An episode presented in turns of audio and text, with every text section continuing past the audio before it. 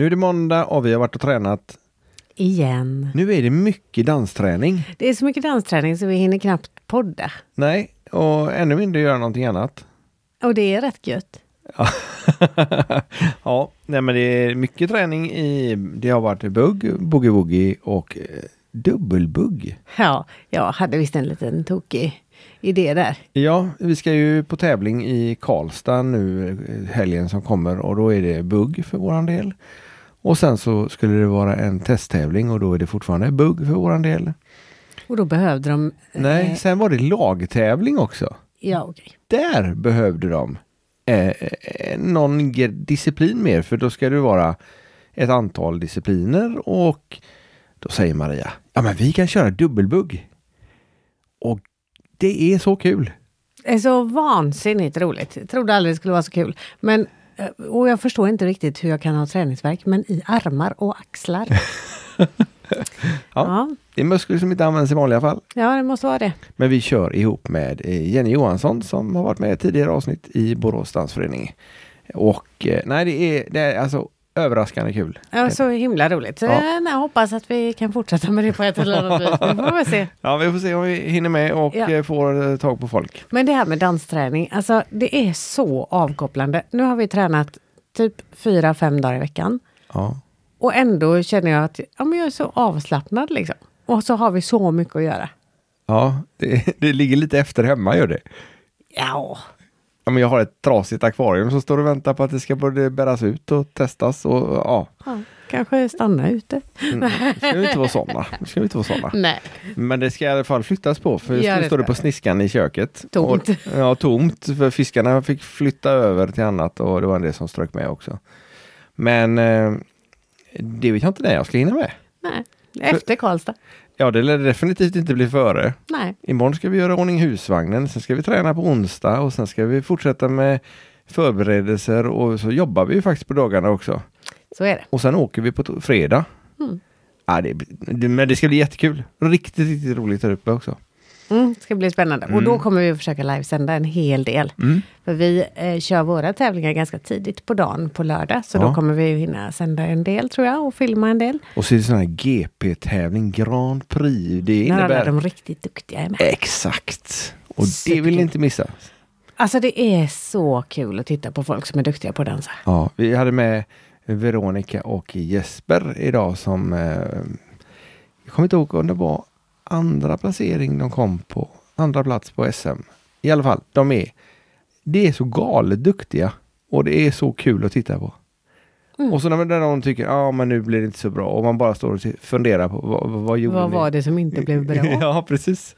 Ja, Ja, det, är- det, det är konstnärligt. ja det är det. Mm. Ja, fantastiskt kul. Men eh, ska vi släppa fram dagens eh, gäster kanske?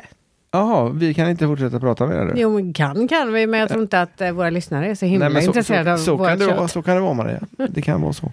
De kanske hellre vill lyssna på eh, Swedish Dance Mafia. Och vet du vad som är rätt fräckt? De har Vadå? dubblat antalet medlemmar. Ja, så är det faktiskt. Det är stort alltså, det är 100% fler. Och ja, men jag tycker inte vi tjatar mycket mer om det, men Swedish Dance Mafia och eh, mycket intressant kommer fram här. Så eh, Det var ju faktiskt flera av deras låtar vi tränade till idag.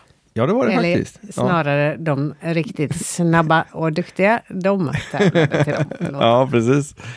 Men, men eh, jag, eh, jag tycker att ni ska lyssna och eh, eh, ta till er lite grann av det som sägs idag för att eh, de kommer med lite bra erbjudanden i slutet på avsnittet. Så eh, har ni möjlighet så mm, ta tag i det. Jag säger inte mer än så tycker jag. Och så börja dansa såklart och ut Ja, och dansa. Så självklart. att alla våra band som nu kommer Ja, vi- igång och börjar spela så att de får lite publik också och Ja, känner att det är värt det. Liksom. Vi skulle ju dansa till lördags, men då hade vi ju tränat och sen var det hem och umgås med folk som hade varit med och tränat. Så det blev inget Kalinas då. Ja, men en liten del av familjen var där i alla fall och Ja. stöttade. M- Min dotter Milla var där. Ja. Nej men eh, vi släpper fram eh, Christian och Lars. Det gör vi. Och så eh, trevlig lyssning. Ha det gott, syns på dansgolvet. Det gör vi. Hej hej!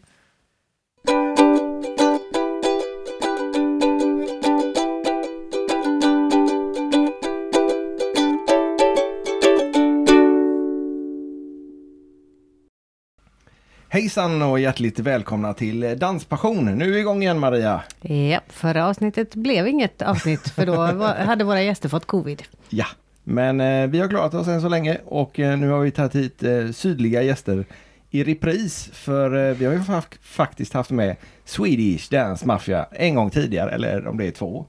Två. Men det är väldigt länge sedan kom vi fram till. Jag tror att det är senaste gången de var här eh, så spelade de in en låt. Eller han, Christian, spelade in en låt tillsammans med Ulf Gerhardsson. Men nu är han här med sitt band. Det här, det här blir jättespännande.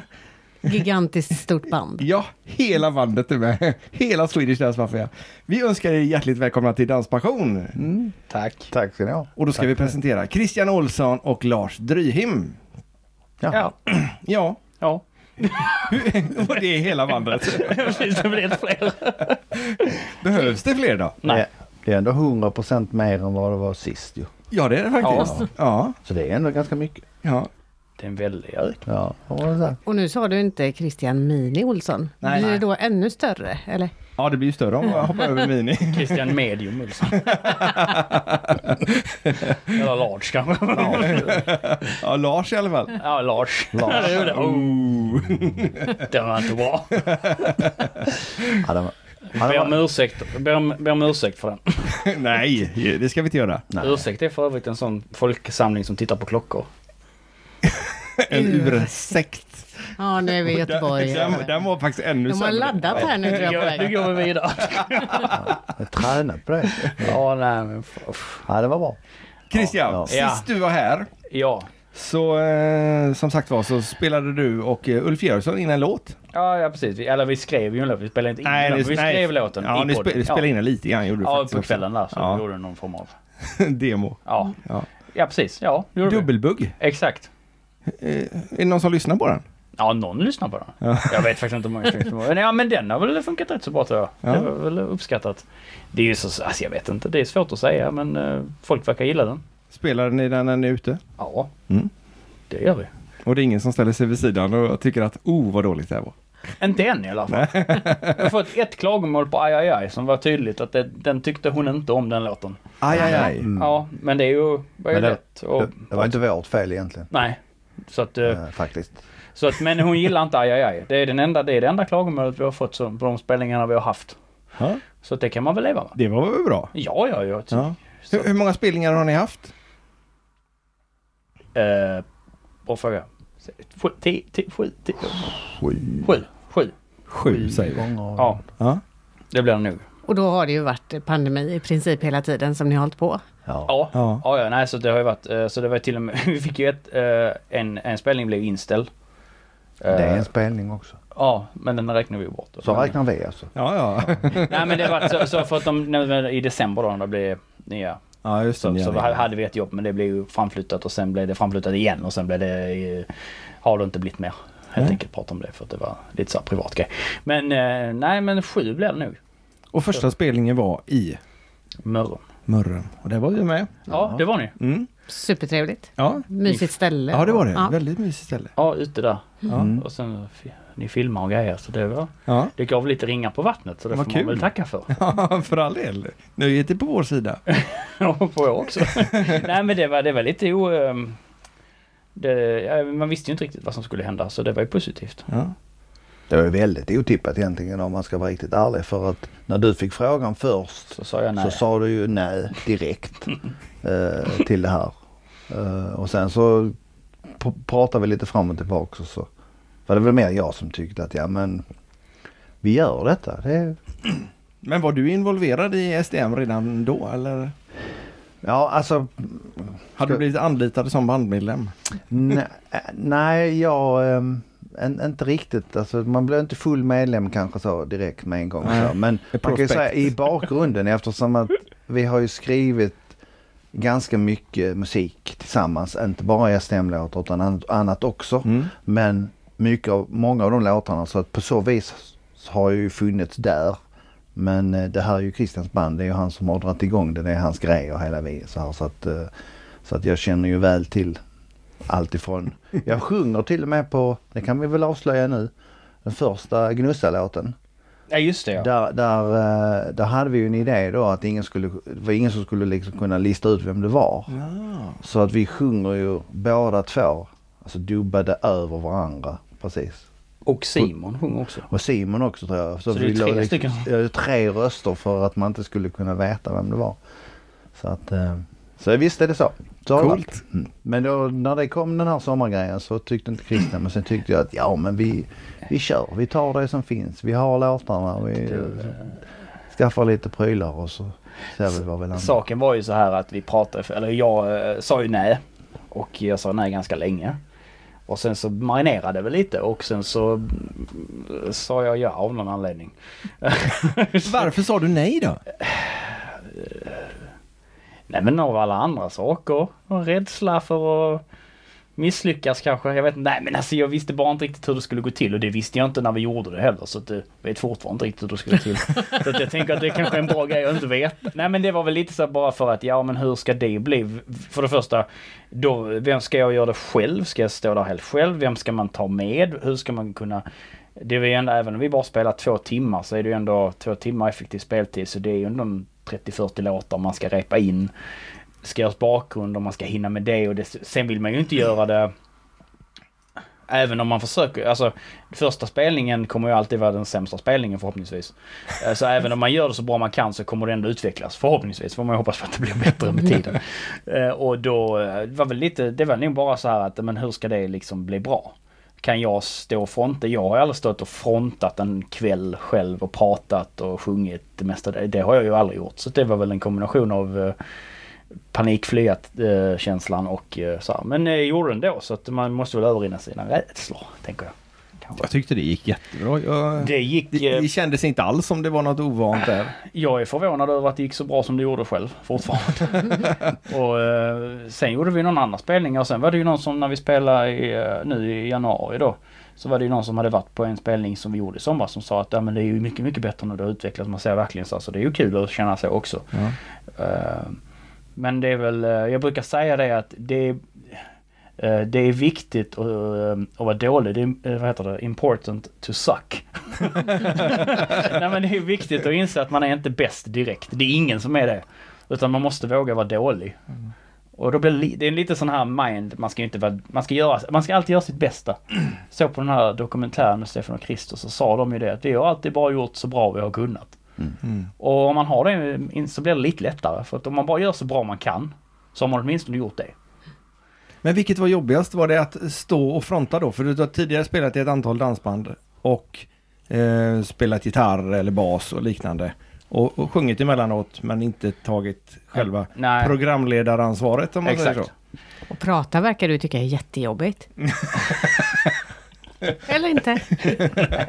Nej, det är väl mer att man ska um, hitta så det inte, alltså jag vet inte, det är nu bara, det är ju hjärnspöken mest. Mm. Men det som var, det, det som var mest, jag vet inte vad som var mest jobbigt.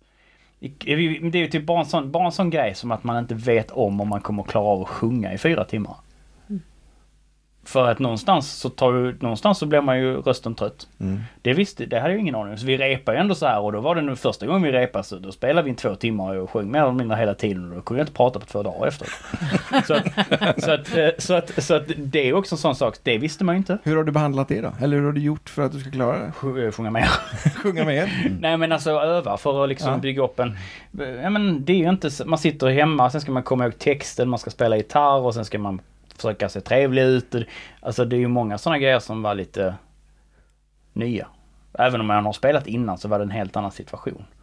Och sen så menar, visst det är ju- jag följa på Instagram och man ser att det streamas på Spotify men eh, man vet ju inte egentligen om det är riktiga människor förrän man ser dem framför sig som lyssnar. Det kan ju bara vara robotar. Man vet, man vet ju inte rent tekniskt sett. Men det var en lite läskig grej också då, att få Ja. responsen direkt istället för på Instagram eller Facebook. Exakt. Och, att inte, man vet ju inte, det kanske gillar folk det. Eller det finns ju folk som gillar det, har jag ju sett nu då innan också lite grann. Men just att det blir så himla tydligt att. Eh, och sen så naturligtvis repa in alla låtarna och försöka komma ihåg dem och hur de går. Och var ju inte, alltså och även alla vet det, extra låtar som vi får fylla ut. Det är ju inte bara eget liksom. Så det var, eh, det var nog mest det. men det eh, gick väl bra tror jag. Ja, uppenbarligen. Men vi kanske ska komma in på er relation. Hur hör ni ihop? För det, jag tror inte alla vet det nämligen. Nej, det har jag också funderat på. Ja, det, är, det, är någonting som, det är någonting jag inte riktigt har förstått. Nej men det, det här är ju då min eh, pappa. Så, Så att, vi- eh, så, så hänger det ihop. Så vare sig vi vill eller inte så har att göra. Ja, det är släkt rakt nedstigen den Ja, just det. Eh, Så det, eh, ja så är Ja. det. Det var inte svårare än så. Men, Nej. vi behöver inte göra det mer avancerat Nej. än så tycker jag. Men hur Nej, är det att jobba ihop så här nu då? Än så länge går det bra. Ja. Jag, ty- alltså, jag tycker faktiskt på, alltså Dels tycker jag det är en ynnest som förälder och så här kunna eh, dela ett intresse och en hobby och på det här viset så. Eh, sen, sen tycker jag personligen är ganska enkelt också. eh, men det är också kanske för att jag, som jag sa innan, att det här är, det här är Christians band. Det är hans grej. Det är han som är kapellmästaren och liksom Oj. så här styr och ställer så Flott. kring det. Va? Och jag försöker då liksom backa upp det och komma med lite mina inputs men så här. Eh, så det funkar faktiskt väldigt bra måste jag säga. Vi tycker inte lika alltid och så men, men eh, så. Men ehm, det är bra att kunna dela idéer och så här. Så jag tycker det, det har funkat bra än så länge. Och det går bra. Ja, jag har inte så mycket att tillägga faktiskt. Jag, jag, jag, jag får fundera lite på det. Men, nej, men, nej, nej men det är väl alltså att eh, det funkar ju för att vi har väl rätt så samma vision på något vis. Eh, även om vi inte tycker exakt lika så, så är det inget, det är ju nästan bara bra för tycker man exakt lika så ehm, då blir det ju kanske bara en som, alltså fördelen med att tänka lite olika och tycka lite olika och ha olika inputs blir ju att det som kommer fram av det kanske blir ännu bättre än om man hade gått var för sig. Eh, och då får man försöka hitta den balansen. Och det är väl lite samma sak där när vi ska alltså repa ihop och spela ihop. Det hade ju ingen aning om hur det skulle funka. Eller, alltså det har ju funkat hur bra som helst. Men ni har spelat någonting innan ihop?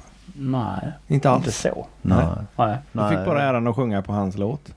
typ. Ja, ungefär så var det Nej men, jag nej men det har väl bara varit att vi har skrivit låtar ihop och vi har skickat idéer och gjort demos eller om vi har spelat in till ditt andra sidoprojekt.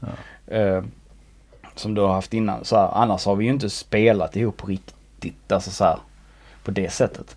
Eh, och det var väl också en sån grej man inte riktigt vet hur det ska funka och så här. Och, men jag har ju turnerat på mitt sätt och du turnerar på 80-talet liksom. Och då hade man ju hårfrisyrer och sånt. Då hade vi inte vi till exempel. nej men, Nej, Sven, svenska hår menar nej men så platå, platådojor och skit hade ni då. Nej, men det, så, det var inte, så, så det var ju lite så här att hur ska det gå? Men det är alltså än så länge jag tycker det funkar bra. Och, och som du sa det är ju Nynäst. Och det var det faktiskt en som sa till mig eh, som eh, har dansat för väldigt mycket också till när jag spelat i andra band som jag känt väldigt länge när hon var och dansade i, när vi spelade då i, eh, i januari.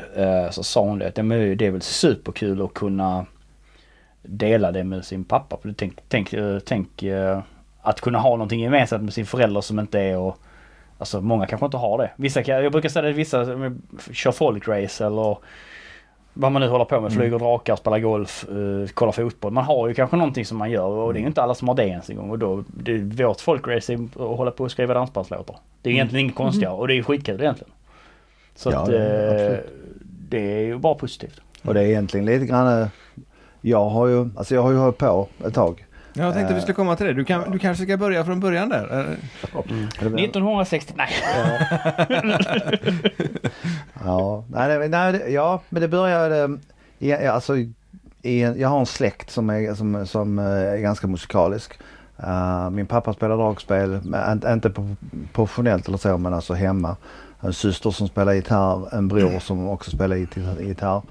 Så musik har det funnits, en, två farbröder som också höll på med musik och så, så det fanns mycket musik. Men, Men de, de hade ju det här... eh, Du måste ju berätta om eh, det här popbandet de hade. Som har fräckaste namnet ever. Vem är Raidlers kometer? Ja precis. Ja, alltså, ja, alltså min, min farbror då, en, en av mina farbröder, han hade ett dansband alltså på 50-talet kanske, där. Eh, Och de hette, de hette Raidlers. Och de turnerade i Skåne. Spelade kanske tre dagar i veckan. Typ. Oj. Ja, jo, men det var ju helger, fredag, Mm. lördag och söndag och så. här. De var jättekända. Och sen kom Bill Haley and the Comets. Då la de till eh, ordet kometer. Så då blev det Reidlers kometer. Kallar de. Men de var jättekända och han har hållit på hela tiden och, och grunden till att jag egentligen hamnade där jag hamnade det beror lite på honom eller egentligen på en av hans söner då. Eh, som mina kusiner då för att eh, han var nämligen barberare i hela sitt liv också. Så han hade en, eh, en, en sån här barberarsalong eh, i över 50 år och den såg exakt likadan ut 50 år. Och han, eh, han hade alltid ett dragspel stående där. Så när han inte klippte folk så spelade han dragspel. Och sen Jaha. byggde han, var väldigt intresserad av elektronik. Men vi brukade alltid få åka dit när vi var små och bli klippta. Ett par gånger om året. Och sen umgicks vi ju då med dem eh, privat också. Och Mats då min kusin, han spelade trummor. Och när jag var kanske ja, 9-10 års åldern så var vi där en gång och sen så gick jag in och tittade på hans rum och det stod ett trumset på det rummet. Och det är, alltså det coolare än så kan det inte bli. så när jag, sen när vi kom hem så började jag tjata. Trummor, trummor, trummor. Eh, men eh, det fanns inte kanske pengar och så till det direkt men jag började med musik, en sån här musikkår. För där kunde man gå och lära sig spela trummor. Mm. Och sen jobbade min eh, mamma på ett konditori som hade ett riktigt bageri. Och de fick ju mycket mjöl och så här i plast, olika plastspannar. Så att eh, hon tog med sig hem så här och det var sån här eh, i plast och så var liksom locket lite så plastik, dock fast lite gummi, lite mjukt. Så att jag byggde ju ett trumset själv. Eh, med hjälp av det här och sen så på den tiden hade man emaljerade lock till gry, alltså grytor. Eh, och de var jättebra. Tog man ett emaljerat lock och så tog man spikar och så slog man dem igenom locken. Eh, så, och sen så fick man ha något typ så elrör och så, hänger man då, så blev det symboler. Problemet med emalj är bara att när man slår så flyger det emalj överallt. och sen fick man låna en virveltrumma på, på musikkören. Så där började liksom som trummis då, vid typ 10-årsåldern. Uh, och sen höll jag på lite med det och sen så kom uh, Thorleifs ut med sin skiva Du bara du och där hade de uh, ett häfte fullt med uh, texter, Ja. även skrivit ut ackorden. Ah, smart. Och det fanns ju akustisk gitarr. Ja. Fan vad sjukt. ja. Det visste jag inte Det om. vet jag Ja. att GES gjorde också. Uh, och då hade jag väl kanske lite Smart. innan där börjat kika lite för vi hade gitarr och sånt hemma. Men då blev det lite så här, men nu, nu kanske man kan, och jag kommer så väl ihåg det för att man kunde lära sig lite de här Jesus grejerna med G och C och det och så. Men då gick, jag tror den, just den låten Du bara du, den gick i bess. Och då måste man spela barré-ackord. In i eh, min fars gamla dragspelslåda fanns mycket noter för dragspel men det fanns också en sån här gammal med harmonier till, för gitarr. Hur man tar olika harmonier. Där fanns liksom allt du kan tänka dig. Alla tonarter och allting sådana här grejer. Så det blev lite startskottet för att liksom börja spela lite gitarr och lära sig de här grejerna. Och sen höll på med det lite och vi hade något litet band där hemma. Sen tyckte jag det var rätt kul att börja spela bas. Jag hade en kompis som hade en elgitarr. Tänkte den kan man bygga om till elbas. Mycket dumt eh, tänkt. Gjorde den då och förstörde hela den. Eh, så det blev blev aldrig någonting av Hoppas det. inte den var dyr. Nej, det, nej, det var en sån jätte, sån gammal, eh, ja, ja. Ingenting speciellt alls överhuvudtaget men eh, det, det är ingen bra idé kan jag säga överhuvudtaget. det är Det, funkar, ja, den är riktigt dålig. Men jag kunde spela lite bas. Och sen då tillbaka till min farbror igen för han på den tiden sen då, i, i, detta var ju typ mitten på 70-talet kanske, senare hälften. Då hade han en, en trio som spelade på fester. Han spelade ju själv dragspel, jätteduktig saxofonist och så hade de trummis och en basist med sig. Och han bytte lite folk beroende på vem som hade tid att hänga på de här festerna. Och så, så, då- så då kontaktade han mig vid något tillfälle.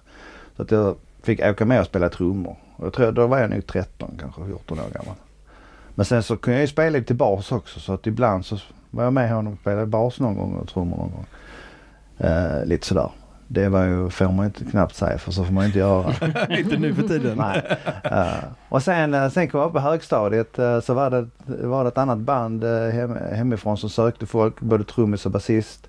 Jag spelade trummor tillsammans med en annan kompis i den här musikkåren. Vi var intresserade båda två. Jag råkade väl komma ner först och fick eh, jobbet som trummis. Sen skulle vi ha tag i en basist. Vi fick inte tag i någon basist. Som då sa- vanligt. Och då sa jag att eh, men, eh, han, min kompis som spelar trummor kanske kan spela trummor så kan jag spela bas. Eh, Så så blev det och då gick jag eh, i nionde klass, då var jag 16 år. Och sen den dagen kan man väl säga, sen har jag spelat bas. Alltid. Det blev liksom permanent där. Sen fick alla trummorna stå till sidan. Men det var det Ulf Jonny då? Nej, det, det, det, det hette Le Capus. Så Aha. var, vi var fyra man och satte ihop våra initialer så blev det så här jättekonstigt. Sen gick det väl två års tid och sen började jag spela med de här som hette Ulf Jonis då som var från Trelleborg. Då. Och det var, det var lite knepigt där för att jag hade inget körkort. Jag var inte riktigt gammal nog för att ha körkort. Så att det var lite jobbigt att åka från Skurup eller från Rydsgård och Skurup ner mot Trelleborg. Men det löste sig med lite goda vänners hjälp till jag fick körkort. Eh, sen hamnade vi där och sen körde vi på. Det var ett dansband lokalt. Han eh, spelade mycket gammeldans och sånt där. Tyckte så småningom att det var ganska tråkigt och sen så det vi skulle göra någonting annat tyckte vi. Eh, och då fick vi nys på, det fanns ett band som var ett svenskt dansband som hette Milles men som hade försvunnit från marknaden i Sverige och spelade bara i Danmark. Eh, och vi visste inte riktigt vad det handlade om och sånt där och man kunde liksom aldrig få någon ordning. Men så skulle så att de skulle komma till Sverige och spela i Tomelilla där på det gamla Tingvalla där en söndag. För det var ju alltid söndagsdans. Så vi åkte dit och fick en chock totalt. Det, det stod fem personer på scen. Jag har aldrig sett så mycket högtalare och så mycket och de spelade helt annorlunda. De spelade ju disco. Bara det. Och så spelade de ju nonstop. Ingen mellan låtarna. Helt och det lät som att sätta på en skiva. Det var nästan ingen folk men alla de som var där de hade nog samma uppfattning att det här är ju någonting som vi inte riktigt kan förstå överhuvudtaget. Så vi eh, blev lite kompisar med dem och lära känna och fråga liksom hur gör ni och vad gör ni och hur funkar det? Och då berättade de att ja, men i Danmark så är det lite helt annat. Det är så man spelar i Danmark på den tiden. Nu snackar vi ju 80-tal. Tidigt 80-tal. Så vi tyckte att det här är kul. Så vi la ner vårt gamla band och startade någonting som heter Company. Som var ett coverband som spelade disco. Vi fick en manager i Danmark så vi uh, höll på i två års tid ungefär där mitt på 80-talet. Turnerade vi i Danmark på krogar, idrottshallar, uh, ja, diskotek och så vidare. Väldigt lärorikt, väldigt jobbigt.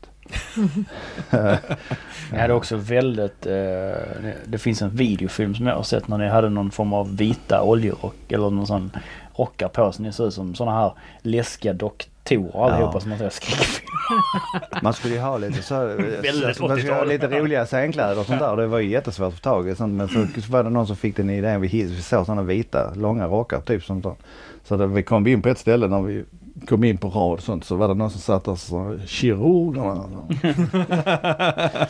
men eh, men det, var, det var intressant. Men tyvärr löstes det bandet upp för det var jag, jag spelade lite på heltid där. Och, och, och, Bas då med.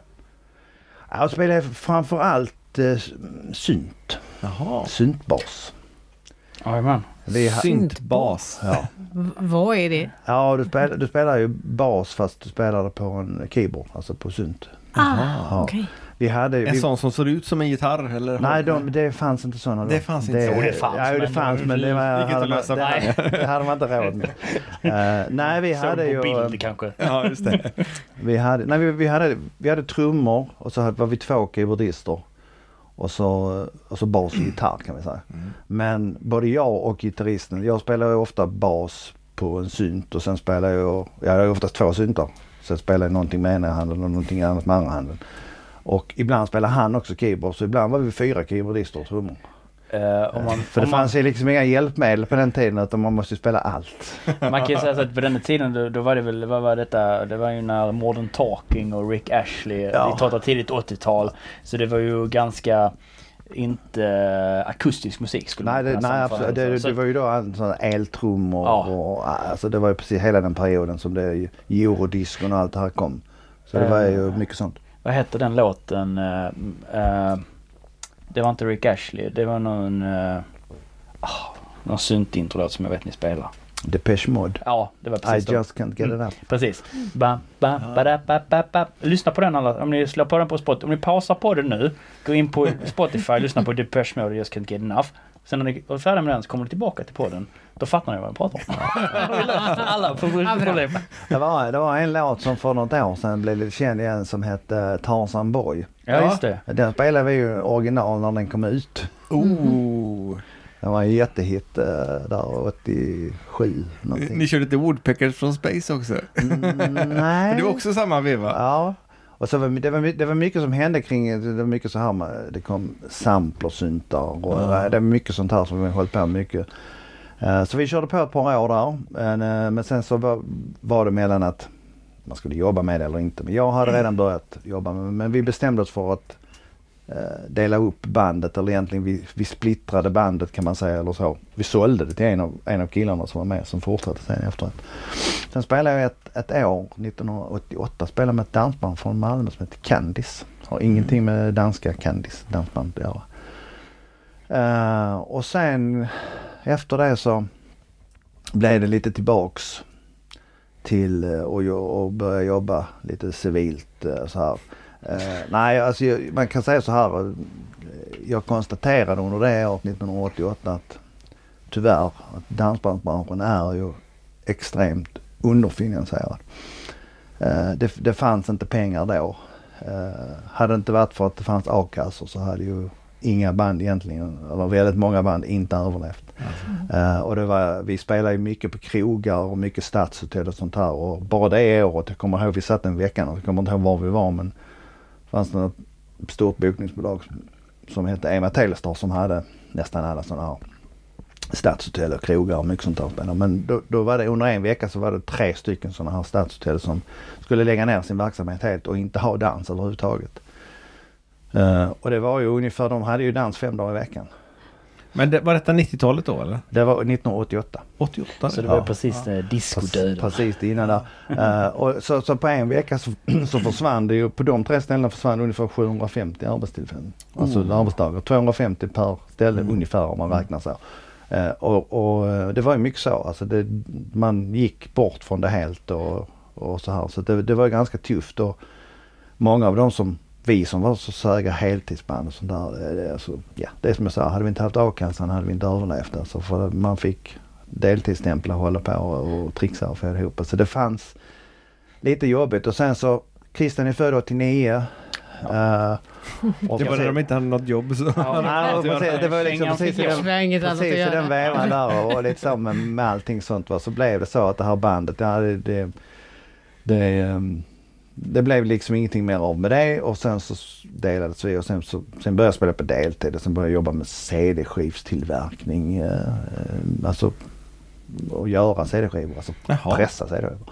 Eh, Sidnote här bara, som jag kom på nu. Spelar inte du ihop med Ludde i Candice? jo, precis. Som spelar med Voice? Ja, precis. Trummisen? Exakt. Ja, precis. Mm. Det var- Jag kom på det precis nu. Ludde som ni hade som spelar med Voice nu, vi Mm. spelade ihop i eh, ett år i Candice då. Han var Ah. trummis där.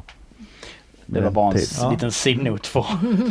Sen där i den Det vevan tror då. jag faktiskt han nämnde. Mm, Ja. tror. Ja. Ja. Sen så hade vi eh, Ja, där i den vevan så började jag skriva låtar också. Jag hade en annan eh, god vän som spelade med, han heter Magnus, Magnus Persson, han spelade med Bert Idofs på den tiden. Eh, och vi lärde känna varandra, jag vet inte riktigt hur det gick till men vi, och då berättade, sa han så här, för han hade börjat skriva låtar och det året jag spelade med Candy så hade jag också börjat titta lite på det här med att skriva låtar, spela in, framförallt, framförallt spela in, det var studiogrejen som var intressant. Och då kom Atari-datorerna. De första sequencer-programmen och det där, de kom i den vevan också. Så jag skaffade det och sen så började jag sitta hemma lite grann och skriva lite låtar och så här. Eh, och, jag skrev inte så mycket men jag spelade in och jag konstaterade ganska snabbt när jag hade börjat att spela in några låtar så man kört några covergrejer och sånt där. Tyckte man, så att man en hel dag och höll på med detta och så kom jag hem och lyssnade på det. Det här låter skit. Jag trodde att det skulle bli så åh det här kan jag. Nej, alltså, det, det här låter ju jättetrevligt. Alltså det, det låter ju jättedåligt. Och så inser man ju klart att ja, men det är inte så konstigt. Alltså, om, du, om man då jämför det med de som hade spelat in liksom, i riktiga studios och, och med de bästa musikerna och sånt där. För på den tiden så spelade de ju ofta fortfarande in alltså, i fina, riktiga studios. så vad gör man då? Jo, då skriver man ju en låt. Därför att då har ju ingen hört den. Så det finns det ingenting att jämföra med. Då blir det ju den bästa versionen som finns. Ja. Uh, så där, ja, ja, lite, lite där. Där började lite, lite I alla fall första. kring det. Och sen så då, då kom Magnus in i bilden och då sa han så här, ja men du måste ju skicka dina data till någon. Alltså du måste ju skicka ut dem till någon. Du kan inte bara ha dem hemma. Alltså kan man, liksom, kan man göra det? Ja då kan man.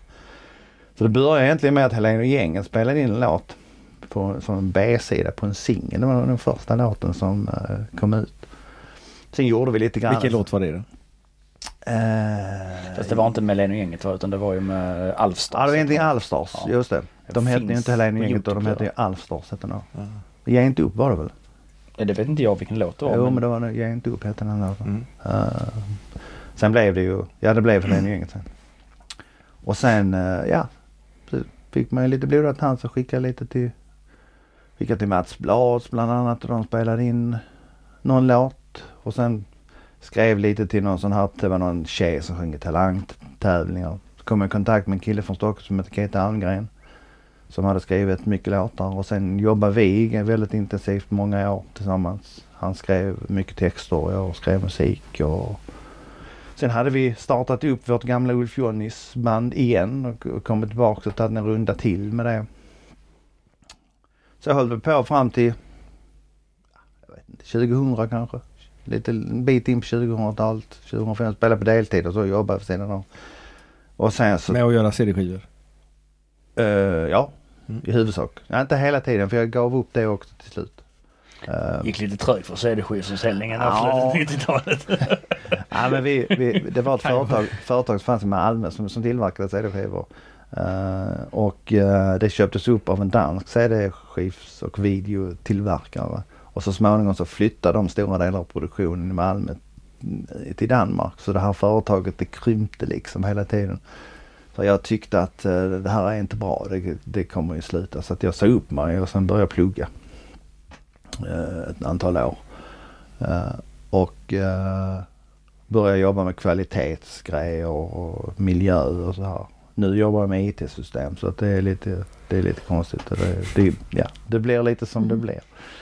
Men jag hade nästan, eh, spelade några år med, ett, ett deltidsband då också samtidigt under den här tiden. Men till slut så kom jag fram till en punkt jag tänkte att det, nu får du, nu får du liksom, nu räcker det.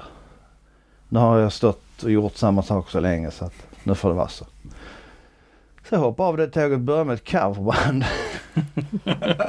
Eh, eh, Ett väldigt roligt coverband. De, de hade så en väldigt rolig annons också för att de, de, de, de sökte en basist och någon som kunde sjunga och så.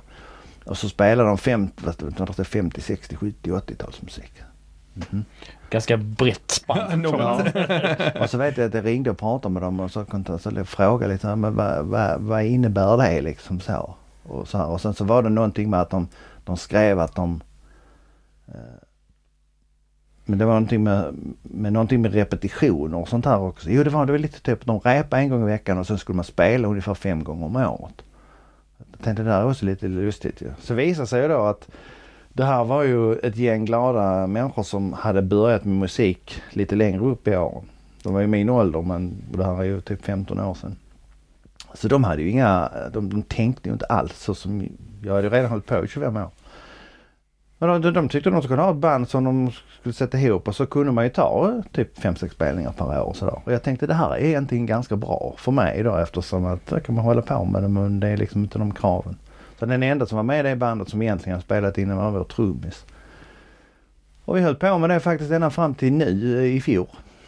Eh, och hade det som en sån här, uh, var ute och spelade någon gång på någon bröllopsfest eller någon firmafest och så här. Och så brukar vi träffas och repa kanske var fjortonde dag.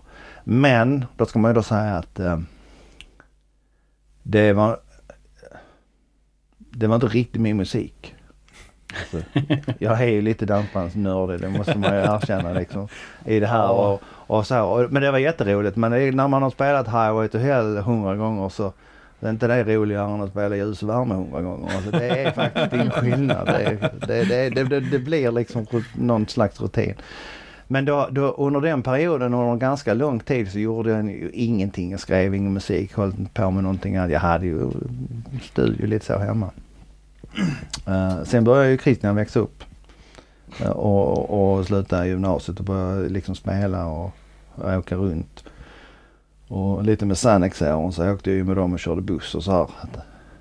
Men sen, sen egentligen det som kanske vände lite grann det var nog när den här Gnussa-låten började komma till. För då var det lite du, du som drog lite i trådarna då liksom att Då behövde han en studio att jobba i och det var din. Ja men, det, men just det här med att skriva låtar liksom. Ja. Alltså det, och, och då tänkte jag att ja men det här är ju ändå så. Sen, sen började liksom rulla på och då Men- började jag tycka fan det här är rätt kul.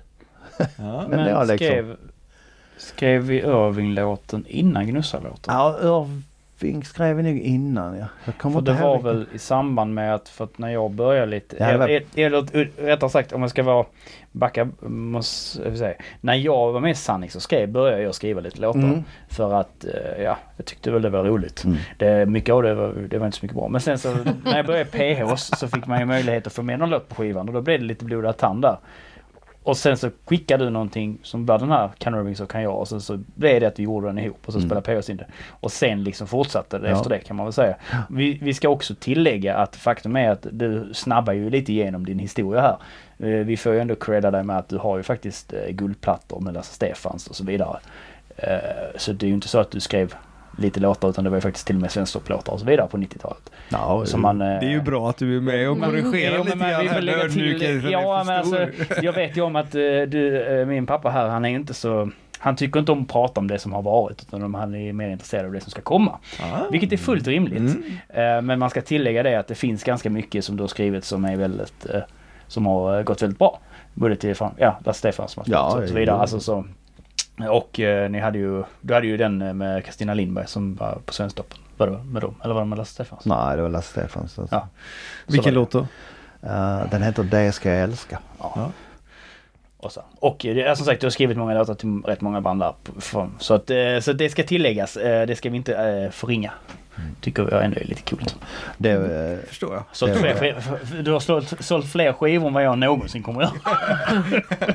Och det var därför du fick få med Swedish Dance Mafia. Ja.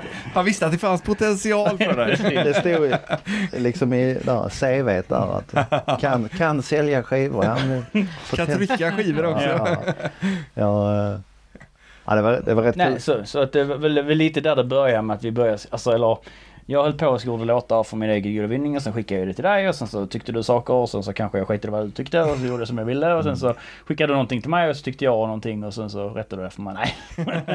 Nej men sen så blev det då att vi skrev fler och fler låtar och det blev ju med Per Håkans då blev det ju både Can Irving och sen blev det Malin-låten Om du skulle tvivla. Som det gick väldigt bra för. eh, Där och sen var det någon annan som, som kom med så, så, så. Ja. Och sen har det ju uteslutande varit låtar till Swedish Dance Mafia som vi har gjort ihop eftersom att ja. Det har ju blivit lite att det är ju roligare att skriva låtar till s- för att släppa dem själv har det blivit liksom. ja och sen kan vi vara lite ärliga också och säga att vi tycker ju att vi skriver väldigt bra musik. Och vi har ju skickat en del till andra Ja. och, och så här. Och de delar inte den uppfattningen. Det är ju deras förlust. Ja, och så, så därför så har det blivit så att till slut så kom vi fram till det. att, Nej men nu skriver vi väl till Och det oss var själva. Och, Ja. så, det började väl, det var lite det som var grejen med Swedish Dance Mafia från början när vi släppte. När den här Gnussa-låten kom till så var det väl lite så här att då var jag ju med på Håkans. Och jag var väl lite så här att nu kanske jag inte, det kanske kunde varit så att den hade spelat in med Per Håkans om den hade föreslagit så. Men då så tänkte jag att det där är nog lite väl outside deras comfort zone. Och om det skulle vara så att jag trampar någon på tårna i Per Håkans nu så ber jag om ursäkt för det. så att ingen blir. Men, eh, och då tänkte jag så här, för att vi har ju skrivit jättemånga låtar och vi så, så, så, så blev det lite så här att ja men om ingen vill spela in dem så får vi väl släppa dem själv. Vad gör det? Ja. Det går ju att Och då göra. gör man det lite anonymt sådär i början för att se vad reaktionen Exakt. blir. Och, eh, och då har det ju liksom vuxit till det det är. Så det här är ju mer en... Alltså det är ju, det är ju någon form av dansbandsprojekt som har vux- vuxit och det, det handlar mer om att vara kreativ och skriva låtar än, det är ju liksom det som är huvudkärnan att att liksom göra sin egen grej och få utlopp för det på något vis. Eh, och det har, det, det, har, det har vuxit fram till det för det var väl liksom inte, fanns inte alls från början. Nej, fanns det väl ingen, fanns Nej. väl ingen plan från början. Men det, utan det var ju mer att ska vi ge ut någonting. Alltså jag har ju, och det ska vi inte prata speciellt om mycket om för det är inte intressant att säga. Men jag har ett litet sidoprojekt själv där jag ger ut musik själv. Eh, och, Som heter Dryhimman. Ja, Exakt. precis. och för många, ganska många år sedan, eh, kanske, jag vet inte vad det kan vara, 10-15 år sedan kanske eller någonting. Så hade jag skrivit en låt som hette Nej tack inte jag. Och upprinnelsen till det var att jag råkade se ett program som här Big Brother eller någonting sånt där det var nytt och sånt där va. Och jag tyckte det var så hemskt. och, liksom, och, och, och, just alla de här som liksom alla operationer och hur man hade gjort och så kvinnor. Va? Så jag tänkte nej tack, inte jag. jag. Det vill jag inte ha. Så kom den låten.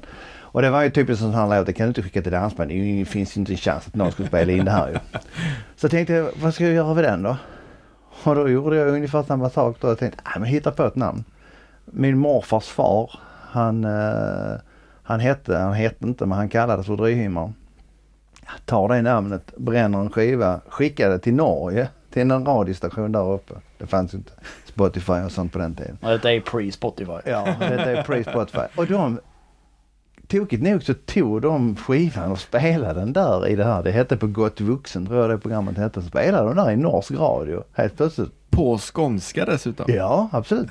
Uh, Det är nog rimligt. ja, och, det, och det var lite halvkul. Sen, uh, sen hände det ingenting med det projektet på över tio års tid. Uh, förrän jag en dag fick ett sånt ryck igen. Det var någon, hade liksom börjat lite sådär. Det var en låt som jag hållit på med jättelänge för det var så, det väcktes en tanke. Jag, den heter eh, Vad tänkte de på? Och det var när jag var i en affär. Skulle köpa en kostym. Vi skulle på bröllop. Och det var en fin affär. Jag hade varit runt överallt. Hittade inga bra kostymer. Var in- Dressman då eller? Nej. Nej, För det där jobbade. Christian förut. Och kom in i den här affären eh, med de här fina kläderna och dyra kostymerna och sådana här grejer. Och så kommer det fram en kille vet du. Som, som hade en gammal sliten t-shirt och sådana här grejer. Och då tänkte jag så här, liksom, hur tänkte de? Hur tänkte de nu? Och så kom nästa låt och då tänkte jag det är samma sak, vad ska jag göra med den? Men jag har ju min dröjhimmel. Och sen så hade vi börjat prata lite grann om hur funkar det med streaming? Hur funkar det med Spotify? Hur får man ut låtar på Spotify och sånt där? Det visste vi ju ingenting då. Så att Christian tog ju ganska mycket tag i den där delen och började att forska i hur man gör för att faktiskt få ut låtar. Eh, Ja. Så att eh, där det har ju liksom hängt på lite kring det här. Men det var det här med liksom en namnbyte. Men då blev det samma sak när Gnosa-låten kom så blev det samma sak. Ja, men vi, då, vi får väl hitta på ett namn och så får vi väl se vad som händer. Ja. Ja. Det är, så- så, det är där allting, det är liksom därför vi sitter här. för vi ville testa hur det gick att lägga upp en låt på Spotify. Har, har ni tagit några utav Dryhimmans låtar och tagit med i Swedish Dance Mafias eh, repertoar? ja, vi spelar ju någon lugn låt. En, En spelar vi. en lugn låt spelar vi Ja. live. Som fick för rätt, för ofta, den har fått väldigt mycket applåder varje gång vi har spelat den. Som heter eh, I skuggan av dig. I skuggan, av- skuggan av dig ja. Mm. Som, eh, Kul! Ja, det är en lugn låt. Det var lite, jag, jag trodde faktiskt inte, det var, jag, jag tänkte faktiskt fr- framförallt på det när vi var i Stockholm och spelade. Att den fick väldigt mycket applåder just den låten, vilket gör så här. Alltså det är en väldigt fin låt och bra- låt på alla sätt och vis. Bra danslåt, bra text och så här. Så det var lite, men det var lite så här man bara oj, nu applåderar allihopa här. Och det är så här, verkligen så här, oj. Vissa låtar, ibland så märker man vissa sådana saker. Så, att, eh, så det är väl kul. Så det är väl den låten än så länge. Så. Ja, och det är väl också ganska viktigt kanske att inte, inte, inte, inte blanda ihop de här begreppen liksom heller på något sätt. Eller så. Det finns ju låtar som är som det är ju absolut dansbart en hel del som gör med Dryhimmern också. Det är inget Mhm. konstigt i sig. Eh, men, men man ska ändå sära lite på.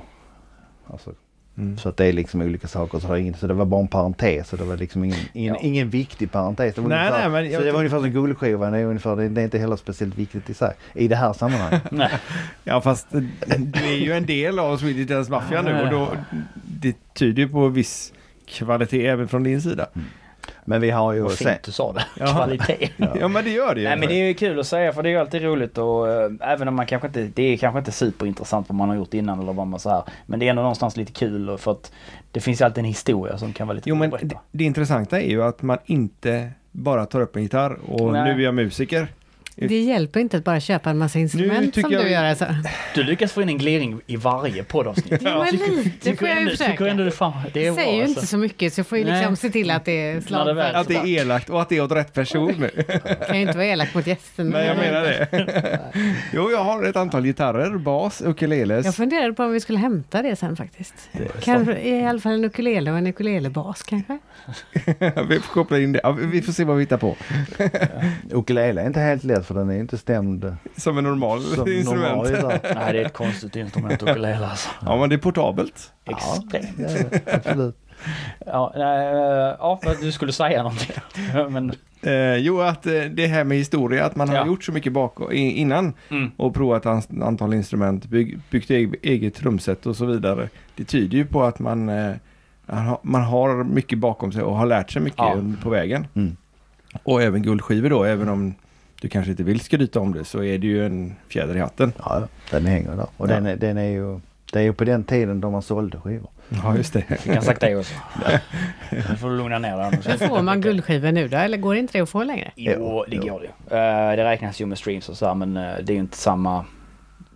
Det är ju inte samma eh, nivåer som det var då. Det är rätt Alltså, många streams. Som Ja, jag tror det är 8 miljoner streams för en guldskiva tror jag. Nej, 8, nej 8, miljoner, eh, 8 miljoner är platina och eh, 4 miljoner streams Ja, det på en, en låt ska tilläggas är, är guld på den låten. Ja. Du kan inte få, jag för mig att man inte kan få på skiva längre det kan för du släpper inte. ju inte det på Ja, samma sätt. ja. Du kan ju sälja guld på en fysisk skiva också. Mm. Men då är nivån typ 10 000 sålda ex eller sånt där. Medan i ditt fall så när det på 90-talet var det ju 50 000 sålda ex. Men det är ju för att världen förändras. så Ja, det är ja, bara att gilla läget. absolut, ja, ja. Så du kan ju fortfarande få guldskivor eller så här. Du får ju plakat. Det är ju Jag tänkte säga, får du får du inte Nej, heller, du för får du köpa. får betala ja, för det. Du får köpa. ja, jag fick köpa den. Ja, för det vet jag, Ulf- Jönsson sa det att det kostar pengar. Ja. för alla de där. Så att, eh, men, Ja, eh, ja, det- men å andra sidan så är det ju, menar, så är det ju alltid när man får priser. Vet du, man får ju kanske inte det. Så, alltså, till hela bandet. Man får en och sen får man väl köpa till om man det. hemma. Liksom. Så är det ju med allt. Men det är ju, ja det är ju vad det är. De, de, De del- ska de ska de delar göra... ut ett bandpris och, och, så, Ja. de- och så är det en sak som de tänkt. Så står i bussen om man Det kanske handlar, kanske, kanske handlar lite om hur mycket pengar man drar in generellt också. Det är väl en tankevurpa. Men, men, eh, men, men ni lever inte på Swedish Dance Mafia just nu? nej det kan man väl säga att vi inte gör. det är väl en bra sammanfattning på det hela. Nej, alltså att leva på musik är ju fruktansvärt svårt. Mm. Eller ja det är det, det är jättesvårt. Men det är väl som allting annat att eh, man kan ju leva på saker och det beror väl lite på vad man har för uh, levnadsstandard. Så är det. Tänker, vad man, hur man vill ha sitt liv lite grann. Eh, och vårt, eller, mm, eh, ja, eh, vi hade en diskussion innan jul. eh, ja, för jag kände väl lite någonstans att jag kanske eh, var på väg att tröttna på det här. Eh, I, eh, för att jag har också gjort det här väldigt länge. Eh, och jag har varit i samma sak, gjort samma genre och hållit på i samma liksom så. Eh, inte för att jag är trött på dansband utan det eller jo, kanske också lite, eller var, eller är. Det är så här, man får, man, det, livet går upp och ner, man har toppar och dalar. Eh, och eh, då ändrar vi lite synsätt och så att det, det måste vara roligt för oss en själv. Och det tycker jag att vi har nu. Eller jag, jag i alla fall. För jag kan inte svara för dig. Eh, men jag tycker att det är roligt själv och det är det som är drivkraften att vi ska ha kul. Själva. Vad var skillnaden då? då innan? Nej men skillnaden var väl lite så här att, eller det som var, blev lite så här att man, man, man, man lägger ner väldigt mycket energi, tid och energi och och spela in en låt och får släppa den och sen så kanske det inte händer så mycket. Och man kanske inte får en reservation i Får jag lov eller det, alltså så här, fast man har fått det innan. Det, det blir den här tävlingsgrejen av att man vill liksom utvecklas. Eh, men om man tar bort hela den och bara fokuserar på att ha roligt. Så, så för den delen är egentligen det är ju klart att det är den delen som kan inbringa inkomst om man ska vara så men samtidigt så är det inte den delen som ska driva en. Utan det ska vara, eller vi, vi ändrar lite, eller jag ändrar min filosofi. För Man det- kan, man, kan ju, man kan ju säga så här också om, om man backar tillbaks lite bandet efter första liksom, låten eller första året som hade gått med Swedish Dance Mafia. Så under tiden så pratar vi ju naturligtvis mycket om hur ska man hur tar man detta vidare? Vad behöver man göra? Och en sak som vi var överens om från allra första början egentligen det är att ska det någon gång kanske bli någonting mer, alltså man kommer till en viss nivå men ska det komma vidare så måste det finnas liksom på dansbanorna. Man måste ut och visa upp sig, man måste träffa sin publik. Eh, Så det var vi överens om ganska länge. Och vi hade ganska långtgående planer kring att faktiskt liksom dra igång ett band. Men, och det var ju precis kan man säga hösten, vintern, alltså innan covid kom. Så där under den hösten så pratade vi ganska mycket om det här. Ja. Eh, hur ska det vara? Vad ska det vara för band? Vem ska vara med? Hur ska vi lösa detta överhuvudtaget? Det, för då hade vi liksom bestämt oss att ja, vi ska nu ta detta vidare här. Eh, sen kom ju pandemin och då blev det liksom så här att ja, nej, då, då, får ju, då får man ju fortsätta så. Och sen så kom ju den andra grejen under tiden. Va? Och sen har vi då resonerat varför kör vi på två man? Och det var ju lite det som därför han sa nej. För att också i, till Mörrum tror jag lite grann Ja, att han hade inget band. Kan man, är man inte band om man är två? Det, det kan vi diskutera länge i, i den här branschen. Huruvida, så det var lite här så, så och jag har tryckt på ganska mycket för att jag hävdar och menar då och hoppas och tror lite på att Swedish Dance Mafia är ett band. Det är sitt eget band. Det startades från musikens sida, vilket mig veterligen, får gärna rätta mig, aldrig har hänt i svensk dansbandshistoria någonsin. Att man börjar med musiken och sen tar det vidare i nästa steg. Eh, och det är lite där vi är just nu Ja. i, i, i det här också att nu är vi precis där. Men som jag har sagt Christian att är det inte roligt så, så går det inte. Det måste vara kul. Annars blir det väl inte bra heller? För det har jag Nej. lyssnat på en del som ska starta YouTube-kanaler eller sådana som coachar Mm. dem. Gör det du tycker är kul. Mm. Tycker du inte det är kul så kommer det aldrig bli bra. Men om du tycker att det är kul och andra kommer att tycka att det är kul för de ser på dig att Ja. du tycker det är kul. Exakt. Och det var väl lite det som hände då när vi eh, spelade. eh, Eller när vi... När, eh, själva själva Mörrumspelningen var ju mer än... Eh, hela den dagen och tiden innan var mer någon form av... Eh, för mig var det en känslomässig resa mellan panikångest och, och glädje hela tiden fram till, fram till efteråt. Eh, av, av att det liksom eh, varenda gång det är, om man ska gå ut på hal eller så på, på ny mark där man aldrig har varit innan slås utanför sin comfort zone så är det ju läskigt. Mm. Och det ju, vet man ju om. Eh, Men efter det när man fick, när vi fick förfrågningar helt plötsligt om fler spelningar. Folk som gav jättemycket positiv feedback som hade sett er när ni filmar eller så. Då blev det så, ja men oj. Okej det kanske, det kanske är, funkar detta. Fan jag liksom. Eh, Och det är väl lite det som triggar en och, och sen så då att, att faktiskt det är jätteroligt att skriva låtar. Det är jätteroligt att spela in. Det är jätteroligt att eh, släppa. Eh, och det är ju roligt att se om det streamar. Så det är det är kul. Men det är ju ännu roligare att spela sina egna låtar och se när folk sjunger med. Det måste vara det va? Det, Det, måste är vara ett sånt fruktansvärt. kvitto. Ja. Och det har man ju inte fått med Swedish Dance Mafia eftersom att det, man inte spelat live. Och det har jag ju sett nu att det finns ju folk som sjunger med i alla låtarna mer eller mindre. Och det är så här, okej. Men det är ju, då är ju det, det är ju jätteroligt. Så, så att eh, det är väl lite där man har ändrat lite. Att det kanske är, jag vet inte, Mm. flummigt men- detta lät nu men eh, Nej, tycker jag inte. Men har ni några bokningar nu då? På gång? ja, vi har ett jobb i december. Nej, och sen ett i, I december? nej men vi har ett, i- vi har ett i april. Ja, jag ska till Eh, och sen i juni. Ja. Och sen var det, har vi haft lite förfrågningar i höst och sen fick vi något i december. Så vi har väl typ tre jobb bokade kanske. Ja. Så. Så det är bara att höra av sig? Ja, Absolut. a- a- a- vi, vi, vi har måttet att om någon vill att vi ska komma och spela så gör vi det gärna. bra, bra inställning. Ja, så. Eh, och så vi, vi är två pers, vi spelar, eh, vi kör vår grej. Eh, det går att dansa till. Det lovar jag. Eh, och eh, det är en blandning mellan gammalt och nytt och mycket eget. Och sen så gör vi så gott vi kan. Men det är Blir det det. någon ny låt till eh, tävlingen på Öland? Ja. Ja. Ja, Blir det någon tävling på Öland? det vet jag inte. Nej. Det tar, tar jag bara för Men det blir garanterat en låt. Ja, det blir en låt. Just det, för, jag, för jag, vi pratade om det här om, här om sistens, för ett tag sedan. Att vi ska ha en låt. Så vi har tagit fram en låt eh, som vi ska spela in till dess. eh, som är liksom in the works. Och så för att det ska bli Ölandsveckan. Jo, men sen så har jag inte sett någonting om tävlingen. Eh, så att det kanske inte, men det måste ju, eller jag vet inte. Är det någon som vet någonting så eh, hör gärna av er. Skriv i kommentarerna på, eh, nu är detta YouTube säger vi då. Ja, Så får de skriva om ni vet. Ja, eller skicka ett mail. Det blir- Ja, det går det med. låt, låt blir det oavsett. Det är bra. Ja, det kommer komma en låt den dagen det borde varit en tävling. Annars. Japp. Exakt. var det så Får vi lösa en tävling Ja. på gatorna där annars? Det är bara lös. Ja, precis. Det är inte så himla knissligt. Det är väl bara att dansa på. Nej men så att, så att det blir det ju absolut. Eh, Och det kommer fler nya låtar. eh, Är ju planen. Så det, eh, det tar bara lite tid. Det är mycket. Det finns annat att göra. Och typ, nej, Vad gör du för någonting nu? Du jobbar inte kvar på Dressman eller? Jo, jag är där och svänger ibland. Ja, Men sen så håller jag på med, jag pluggar.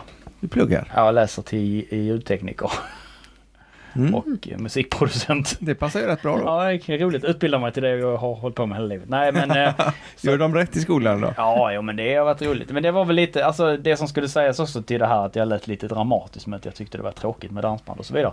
Det var ju att eh, det har ju varit eh, två speciella år. Inte för att det har slutat att vara speciellt, de har bara flyttat det speciella till något annat. Men eh, så att det i kombination med det och liksom så här, man, man, man blir ju äldre Ja, du är så gammal så. Ja, nej, men 89 var du man, man ändrar ju sig. Liksom, så har det hänt så mycket så man var väl lite, det var väl lite allmänt bara så här att Ja. Ja, Det såg ju ganska trist ut där, framförallt med den sista stängningen där i december. Det var ju inte jättepickt. Det kan väl ingen säga. Och, liksom så här, och då blir det liksom, det, hela det är alltså bara så här eh, känslostorm på något vis. Så att, så att, eh, men jag, jag, jag ser ljus på det här och jag tror att det kommer att bli bra. Och eh, Sen är det ju inte en tillfällighet att förra låten hette Drama Queen heller. För det, det, det, det, det, det, det hänger ju liksom samma. Men jag skulle sagt det här att Är det självupplevt då menar du? Ja, eh, det är ju den är faktiskt inte självskriven. det är, inte självskriven, det är, det är ju en självskriven låt men liksom i- just Drama Queen. Jag Ja. kommer ihåg när du skickade den låten så har du hört den här. Vilket jag aldrig hade gjort. Så tänkte jag vilket oerhört bra namn på en låt. Varför har vi inte kommit på det själv? Nej, Min mig. fru säger att jag är Drama Queen hela tiden. Så Jag retar mig som fan på att jag inte kom på det själv. Det var lite störigt men det var en bra låt så det var kul i sig. Men jag skulle sagt det här innan att det här med att, att eh, alla människor behöver någon form av vad ska man säga, uppskattning och så här. Eh, och vi som är konstnärer eller sådana här grejer, vi har ju ett tiofaldigt behov av det här. Så att lite jag kan förstå Christians del att han sitt, jobbat jättemycket, skrivit låtar, ger ut. Det händer liksom ingenting och så nu har det varit pandemi, man kan inte göra någonting, så mycket begränsningar. Va? Så det var lite där som jag tänkte också att nu har vi chansen i, i Mörrum. Här kom den. Nu måste vi ta den. Så jag måste liksom på något sätt övertyga honom att skit, vi bara kör och så går det. För liksom, och man kan väl säga tur över det. Eh, skulle jag. För annars hade vi kanske inte suttit här heller. Va? Men, men jag, jag, jag förstår, jag har hållit på så lyckat så att jag vet precis hur det känns när man, man tycker att man lägger ner så mycket tid och det händer ingenting överhuvudtaget. Så att eh, Nej men det är väl man lite får så. trycka framåt. Eh, även om eh, jag är ytterst tacksam för alla som supportar och eh, stöttar och eh, eh, lyssnar. Det är, eh, ni är viktiga oavsett om ni om jag inte förstår att ni finns eller inte. Nej men det, det blir lite som man ser bara en siffra på en skärm. Men kan det inte ha varit så lite grann också? Nu var ni, nu var ni ute i Mörrum i somras och så fick ni några spelningar och sen så stängde det ner och, tänk, Ja. och då tänkte eh, många utav oss, jaha, hur länge ska det här vara? Ja, vår, vi blev, jag blev, det var nog inte att det stängde, eller det var att stängde ner var ju tråkigt, det tyckte jag var tråkigt för alla. Men det som var, det som var lite, detta kommer att låta jätteweird, men det som var lite, det som var lite jobbigt för oss och det som var lite så för mig, det var när det öppnade upp igen. För vår tanke var ju, i och med att man hade börjat att dra igång Corona-safe dans då med 50 personer. Då tänkte vi att två personer, ekonomisk tanke där, det blev lite billigare, man kan köra, alla kunde tjäna pengar, både de som har själva tjäna pengar. Men det kunde liksom gå runt, det var ingen som behövde skjuta till pengar. I och med att det funkar att göra så som de körde då. Och då, då, var, ju, då var ju vår tanke att vi skulle sälja in Swedish Dance Mafia som ett koncept till det. Och när de då öppnar upp igen så kommer ju alla vanliga danser igång. Och då blir ju vår grej, för vi hade jättemycket grejer på gång för framförallt dansklubbar och så här som är intresserade av att köra lite sån här dans. För det funkar ju i den skalan. Så då blev det lite så här att Jaha, nu öppnar de. Nu kan... Fan, sket det sig. Men, men då är det ju bara att ställa om och göra om. Så det var väl en kombination där. Så, att, Så nu ska ni anställa tre pers till? eh, sju tänkte vi. Vi Ja, tänkte bli ja, ett nej, jäkla ja, största ja, rent fysiskt. Nej, Kurtavis? nej, ja men typ. Nej, de kommer fram. Nej, nej, vi vill ha fler. Ni har fler? Nej. Ja, okej. Nej, men... Det eh, är Två bussar. Ja, precis. Alla andra har en buss, jag två. Nej, eh, absolut inte. Vi... Eh, Det, vi kör på två tills... eh, jag säger som jag säger hela tiden att eh, när jag satt första gången i airpod så sa jag att det hade varit roligt om man kunde spela live någon gång. Nu har det ju hänt tre Ja. år senare eller vad det blev. Ja, det är lång tid i alla fall. Ja, eh, och jag menar skulle det kunna vara så att man blir ett helt riktigt band och man får det att funka och det är roligt och, och liksom det, det går. Rent, för det är ju alltså det tråkiga med allting är ju att allting kostar pengar. Mm. Och, och göra saker och inte få det att funka kanske ekonomiskt och få skjuta till pengar kan ju vara att man har ju ett liv, alltså man har ju inte oändligt med pengar. Hade man haft det. Visst vill någon ge mig en säck pengar så får de gärna göra det. Jag ska inte vara den som är Ju den. större dess bättre. Exakt. Eh, jag ska helst inte kunna lyfta den. Nej, men då blir det lite, det blir ju lite att, att eh, man får liksom hitta den där balansgången då mellan vad som är så här, och det tar ju, jag menar att släppa en låt. Det tar ju alltså kanske i arbetstid lätt en hel arbetsvecka om man ska slå ut det. Och släppa en låt och kanske skriva den, spela in den. Alltså det tar ju väldigt mycket tid. Mm. Eh, och det är ju tid man lägger ner för man tycker det är roligt. Så det är inga problem med det. Eh, och, och då göra det hela tiden så att det blir ju ganska påfrestande om man då inte får någonting. Men, men de fick lite blodad tand när man ser att folk tycker det är roligt och vill dansa till det. Och det finns ju som sagt, vi spelar gärna om folk vill att vi ska komma och spela. Men, men oavsett om det har öppnat upp för alla stora och några Ja. vanliga dansband också så misstänker jag utan att ha sett någon prislapp att ni är betydligt mycket billigare än om man drar in ett band med 5-6 pers. Nu ska jag, nu ska jag ta den. Ja. Jag ska ta den. nu sus. Vi är inte fyra så vi är bara hälften så dyra. ah, Ja. Han har suttit och längtat. Den är snodd. den är Ja, snudd, det är men den är. Den är bra. Nej men jo men så, och det är ju lite tanken också att vi har ju haft kontakt, eh, eller vi har ju mejlat ut och försökt få, eh, pitcha idén till olika dansklubbar. Vissa har svarat att ja, men det här kan vara intressant, vissa har inte svarat alls.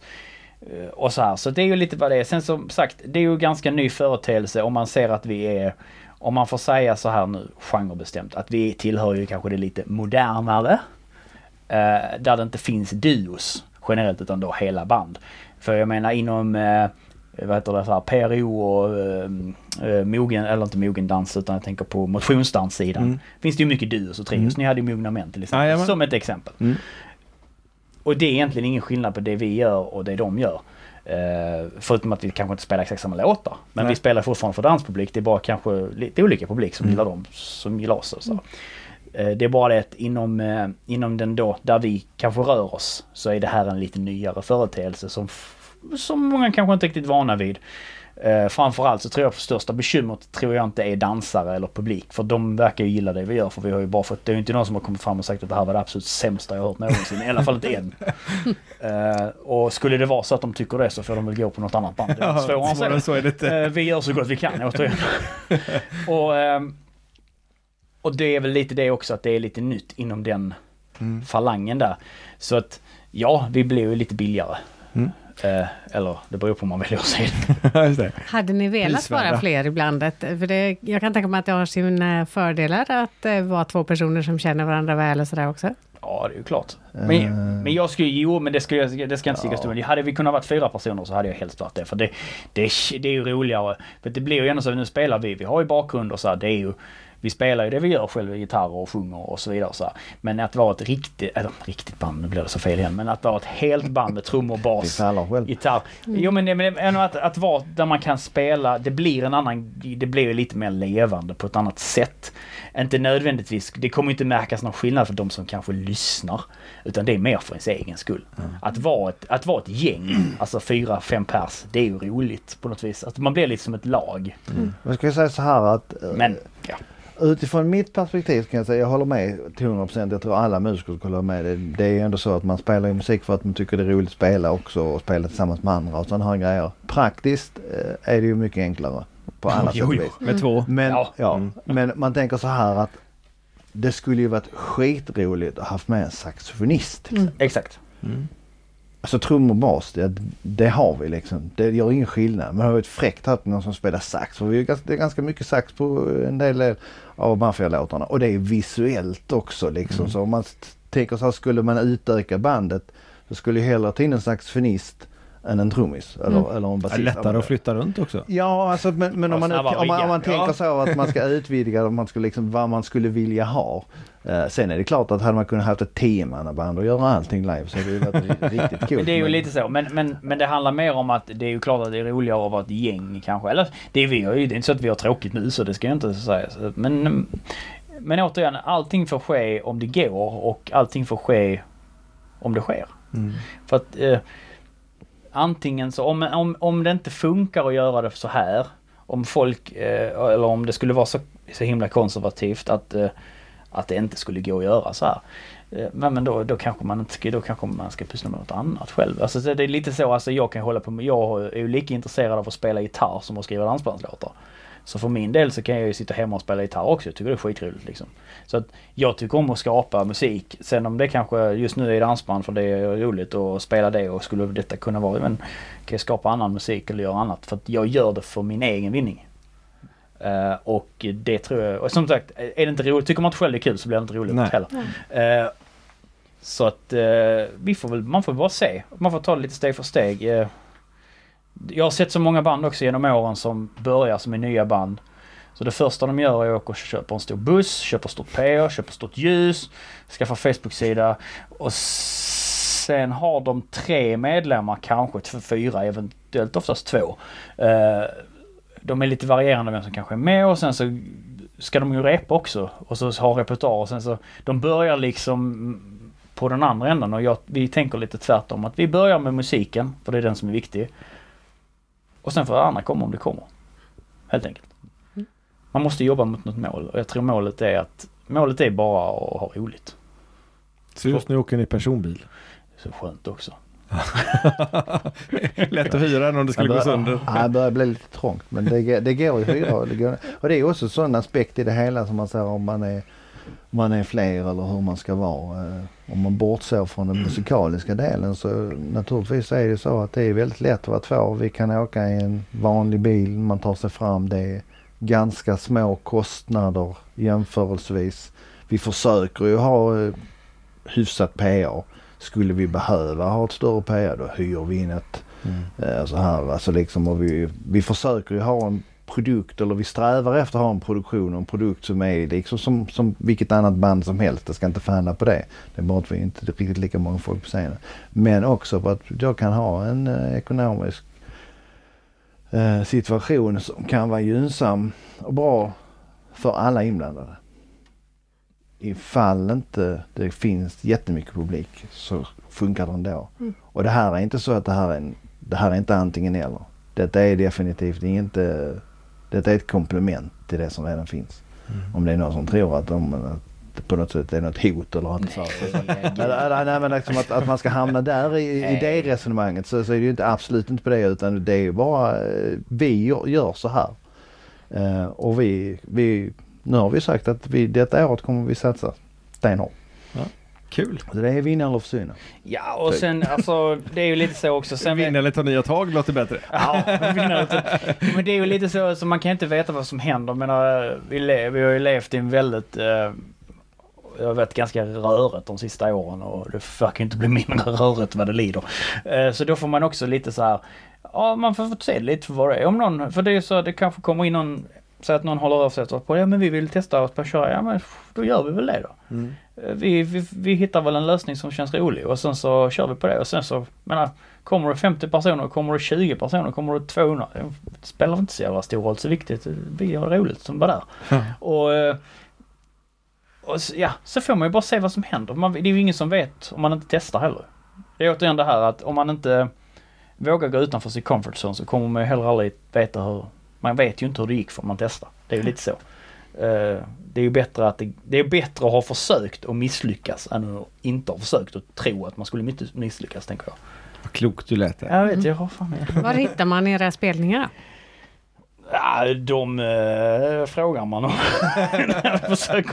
Den, är, den enda spelningen som är offent, eller som är pub, som alla får komma på, det är utanför Laholm nu i april. Nu kommer jag inte, 18 april va? Ja. Påsk, eh, Påskdagen. Annandag påsk. Annan- Annandag påsk, annandag påsk, måndagen där. På måndag då. Och det är i Laholms bygdegård va? Heter den så? Heter Lagagården. Gården. Heter den så? Jag är osäker. Det ligger i Laholm, finns det en bygdegård lite utanför, som de kör dans i. Där ska vi vara. Vi ser om vi kan få fram en länk till det. Så kan Jag vi, kan fixa länk. Ja. Det kan vi lösa för det finns Facebook-evenemang och alltihopa. Ja. Så det löser vi. Då löser vi det. Då delar vi det på Facebook Ja. och så lägger vi en i beskrivningen också. Mm. Jajamän, så får alla komma dit som vill. Ja, Vi fyller stället till bredden. pang säger Det en lapp på luckan som det heter. Och apropå pang så tror jag att du har något spännande där. Ja, men jag, som inte alls har med dansband eller så att göra. Nej, men det har mest med Christian att göra tror Ja. jag. Men jag vet inte, Lars, gillar du också starka saker som chili och sånt? Nej, det gör han inte. Nej, inte det. Ä- ä- ä- nej, inte starka saker på det sättet. Nej, nej. Om man så. Nej, för att eh, jag har ju chiliplanter som inte har gett någon större frukt. För eh, senast eh, för ett antal år sedan då så skickade jag väl ner frukt till dig. Ja, det gjorde du. Ja. För du, hade jätte, du fick jättemycket frukt. Ja, men de lever inte längre. Men Nej. däremot så har jag några andra som lever väldigt små. Um, jag vet inte om det går att få in i fokus på något sätt. Oh, oh. Oj, nu åker Akta mikrofonen med. Men i alla fall en liten, liten, liten chilifrukt. Eh, vågar du eller? Det roliga var att du skickade med någon förra gången som jag tänkte skulle vara stark ju. Men Ja. det smakar ingenting. Nej, men då får vi se om detta är en sån också, för jag vet faktiskt inte. Men vad ska detta vara för någonting? då? Ja, det vet jag inte riktigt. Får man, får, jag, jag, får man påfyllning av Ja, det är klart du får. Utifall att. jag, jag har två här också, du tycker att den var god. Men det roliga var att du, jag vill bara tillägga, jag har ju köpt den här Chili Claus-kalendern och du smakar ju en sån där Chili Claus. Jag tror du fick gå och lägga dig nästan. Ja, det är choklad med eh, chili. Ja, men, och det var typ, jag tror det var, jag tror det var typ en 10 eller något sånt. där. Den var inte någon- superstark. Det var inte den starkaste så. Men, Om det är den jag, Jag tror det är. prata. Ja, om det är den jag tror det är. Mm. Så ska den heta Rwanda Yellow. Ja, eh, det blir ju antingen så att vi får avbryta podden nu för att jag svimmar eller så kan vi fortsätta en stund. Spännande. Någonstans mellan 200 och 350 000 skolor. Ska Han det stoppar in hela med en gång. Ja, Coolt. Den är stark. Ja. Men den var ingen god. nej okej. Den var stark. Ja.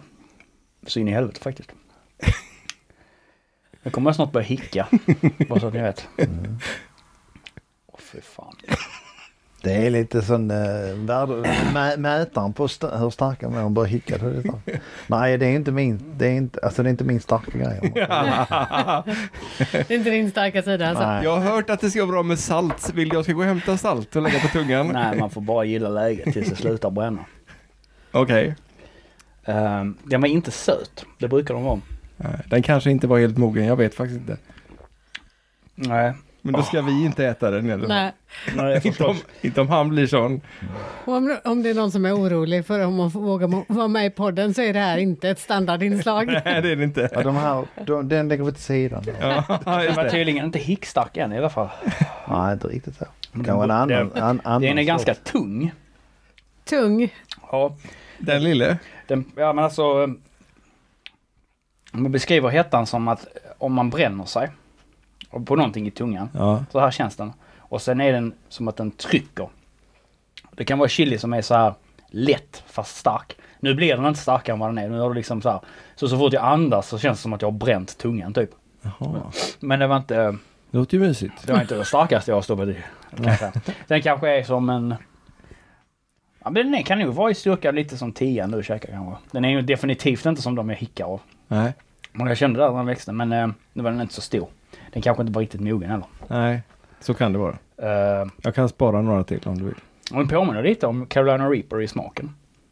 Är det någon blandning på sån eller är den... Ingen aning, jag har köpt dem på jalapeno.nu eller SE eller vadå? För den har lite samma eftersmak.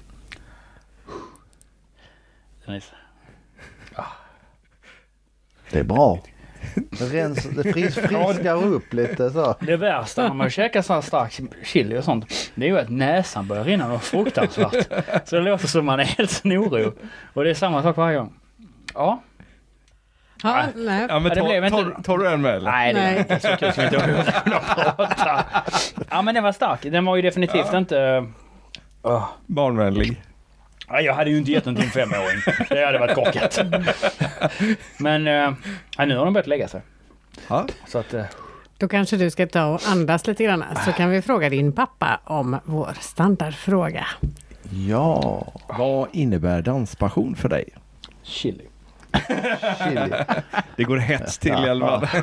Nej, för mig är det faktiskt eh, det är kombinationen av egentligen det som vi gör båda två. Och det är ju dansarna och de som är dansare och sen är det musikerna som står på scenen.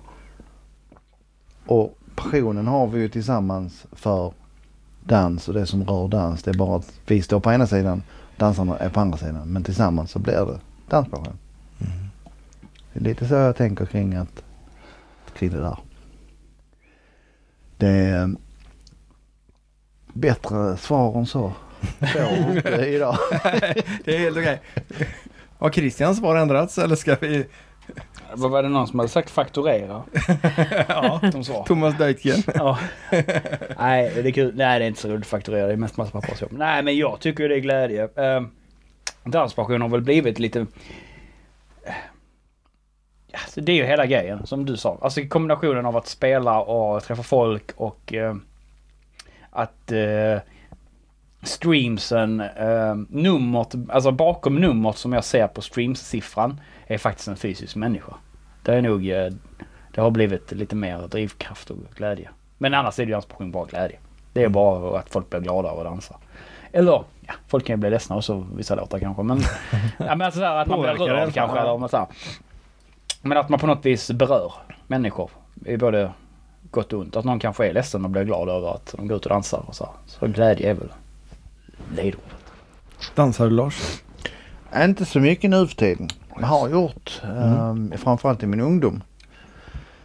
Eh, då var det mycket söndagsdans på den tiden vilket var bra eftersom att ofta så spelar man ju på antingen, i varje fall på lördagar men ibland på fredagar också sådär. Men söndagarna var ju oftast en ledig dag. Så att, eh, och då hade vi ett ställe i, i Tomelilla då eh, nere i Tingvalla. Det finns inte längre, det revs nu i höstas. Och sen så fanns det ett ställe i, eh, i Vollsjö som heter Nyvång. Jag tror, jag vet inte för det brann det stället också. Men i vart fall så var det så att det ena stället var sommarställe, det andra var vinterställe. Så när det ena stängde öppnade det andra. Mm. Så det var söndagsdans 52 veckor om året.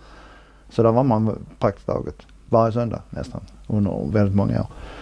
Eh, sen så, sen dog det ut lite grann men sen började jag och Kristians mamma, vi, vi började för någon, vi jag lärde mig bugga en gång i tiden av min syster som i sin tur lärde sig bugga av en som var, var eh, svensk mästare i jitterbugg. Eh, så att jag har buggat sen jag var 12 år gammal, typ så.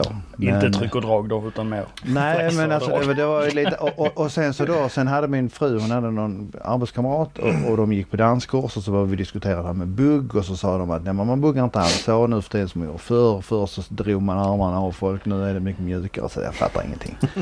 så vi gick en buggkurs igen bara för att jag ville ta reda på det. Så det, det, är inte, ja, det är inte riktigt hela sanningen kring att det är så stor skillnad men vilket fall som helst. Så vi var ute och dansade. Vi bodde i Helsingborg eh, några år nu för ett tag sedan och då körde de torsdagsdans där eh, på Sundspärlan Mm. med eh, ja, Blender, Casanova och lite de här eh, banden då. Och där var vi faktiskt ganska ofta men eh, sen, sen har det inte blivit och sen eh, nu har hon problem med sin rygg så att nu blir det ingenting. Så att jag ska inte påstå att jag dansar jättemycket nu för tiden. Men jag har gjort mycket. Mm. Jag tycker det är, det är roligt Jag alltså. blev väldigt snorig av den här. Men det har alltid varit det där problemet. Man kan inte stå på scenen och ut och dansa liksom samtidigt. Så att, Nej, inte så länge eller? Nej, nej, man får ju välja lite hur, var man ska vara någonstans. Men eh, jag tycker det är roligt. Jag tycker framförallt det är roligt att bugga. Nu eh, är jag inte riktigt eh, lika ung och, och så här snabb längre. Men jag tycker bugga är kul. Det är kul att bugga alltså. Eh, det är det verkligen. Men det är det. Ja, men jag tycker det är roligt. Eh, framförallt när det är låtar som är riktigt svängiga. Och hur är det att dansa till sina egna låtar då? Känns det på något annat sätt? Har du testat det jag på att säga. Alltså det, man kan säga så här, det är jätteroligt att spela sina egna låtar. För det är, också, en- det är också en ny grej för mig. Jag har spelat mycket och hållit på och spelat en del av mitt eget material också men inte på samma sätt. Nu spelar vi liksom det som man själv har gjort. Eh, det är, tycker jag är jätteroligt. Det är jätteroligt att se att folk dansar till det. Och, och liksom, man kan verkligen få den känslan för det. Eh, jag skulle inte sätta på min egen musik hemma. Eh, Vanligtvis, det kan jag ju säga. Jag, ly- jag lyssnar inte på, på, på det alls överhuvudtaget. Alltså det, det, Du har det, gjort det, det räcker. Ja men alltså det är lite så. Det, det var ju som nu när vi skulle börja repa lite liksom maffialåtar och sånt där. Då får man ju faktiskt verkligen sätta sig ner och börja lyssna igenom. Alltså vad har vi hållit på med? Och det, är inte jättegamla grejer. För att det, alltså när det väl är färdigt så är det färdigt och sen går man liksom vidare. Eh, Men nu får man ju då uppleva det här och det är roligt. Det, det är liksom en ny grej och kul. Så att eh, jag vet inte. En del av våra låtar är svinbra danslåtar. Mm. Jag skulle vilja säga 99 procent ungefär av det vi gör. För det är det vi gör. Det är ju det som är grejen. Att vi ska skriva och göra musik som är dansant. Annars har vi ju misslyckats liksom med vår ambition. Säger så. Sen så är kanske inte allting det bästa man har. Men det är väl lite så också att det är också en utveckling av eh, allt man gör. Alltså återigen. Det är ju svårt att börja med att vara bäst. Det är ju svårt liksom. Man måste ju börja någonstans. Och ser man det lite så så blir det lite kul att ibland lyssna tillbaka och se. För att jag märker ju en tydlig utveckling på hur man väljer att skriva eller hur man väljer att producera. Framförallt så har jag märkt att det är inte fördelaktigt att ha 90% av repertoaren som går över 165 bpm. Det, eller över 170. Nej. Ett tag skulle allting gå väldigt fort vilket eh, jag fattar ju att det är kul för vissa på tävlingar och sånt där att det ska gå fort. Det förstår jag. Jag förstår att de, man kan tycka att det är kul. Men en hel danskväll i 165 plus tempo det blir jobbigt för folk. Det Väldigt. blir inte så mycket folk på dansgolvet. Nej precis. Alltså, Och det är ju en sak som man har... eh, Det, det, det, det slog mig inte för när vi började repa. Att jag bara så... Men Alla låtar går skitfort. Och där kan man ju säga en sån sak att det visste jag ju. Men det är ju så med Christian också. Precis, precis som jag är också att man måste upptäcka saker och ting själv. Ja. Så det hade inte spelat någon roll för vi, vi diskuterade för ett tag sedan och han, jag hade någon låta jag skulle göra och så. Så ah, dra upp tempot. Måste gå lite fortare. Eh, nu kom vi ju till den punkten där de bara sa att nej det kan inte är så. För att liksom för mig är det så att en snabb låt 160 över det då börjar det gå fort. Ja. Men 160 någonstans är bra tempo på en bugglåt sådär. Någon gång då och då i alla fall. Ja, eh, och kan, alltså någonstans för 105. Det fanns en tid på 90-talet då alla låtar gick antingen 160 eller 120. Eh, men på den tiden så när man pratar foxtrot så pratar, man inte foxtrot som vi pratar foxtrot för då är ju foxtrot det snabba. Ja, det beror lite grann på var i landet du är Ja också. precis. Ja, fast ändå lite rent allmänt så. Alltså nu Ja. pratar vi tillbaka i tiden. Men då var det mycket så att shuffle-låtarna, alltså sakta foxtrot, eh, eller sakta shuffle då, däromkring. Det gick i 120 tempo nästan alltid. Du kan lyssna på alla Vikingarnas skivor som de gjorde. Det är all, all 120 bpm. Och sen är det foxtroten och bugglåtarna ligger ungefär på 160. Och det är ju, det är ju då bevisat också lite grann att det är väldigt behagliga tempon att dansa i. Så för en bugglåt som ligger någonstans på 150-155, det är ganska bra. Det går lite fort men det svänger på lite. Eh, och likadant om man, om man dansar lugnt, att om man inte nu pratar om på det sätt som man dansar fox idag, som, alltså sakta så, så är det ganska behagligt. Eh, för jag vet, jag hade, jag hade studio då, vi hade en, en snubbe som var där med sitt band och skulle spela in och sånt och han ringde upp mig en dag. Så nu har jag kollat på Bingolotto. De spelar alla låtarna 120-160. Hade efter så ska det vara 120-160. Det finns inga andra tempon. Eh, så att eh, han hade verkligen liksom studerat in att nu är det så, det är det som funkar.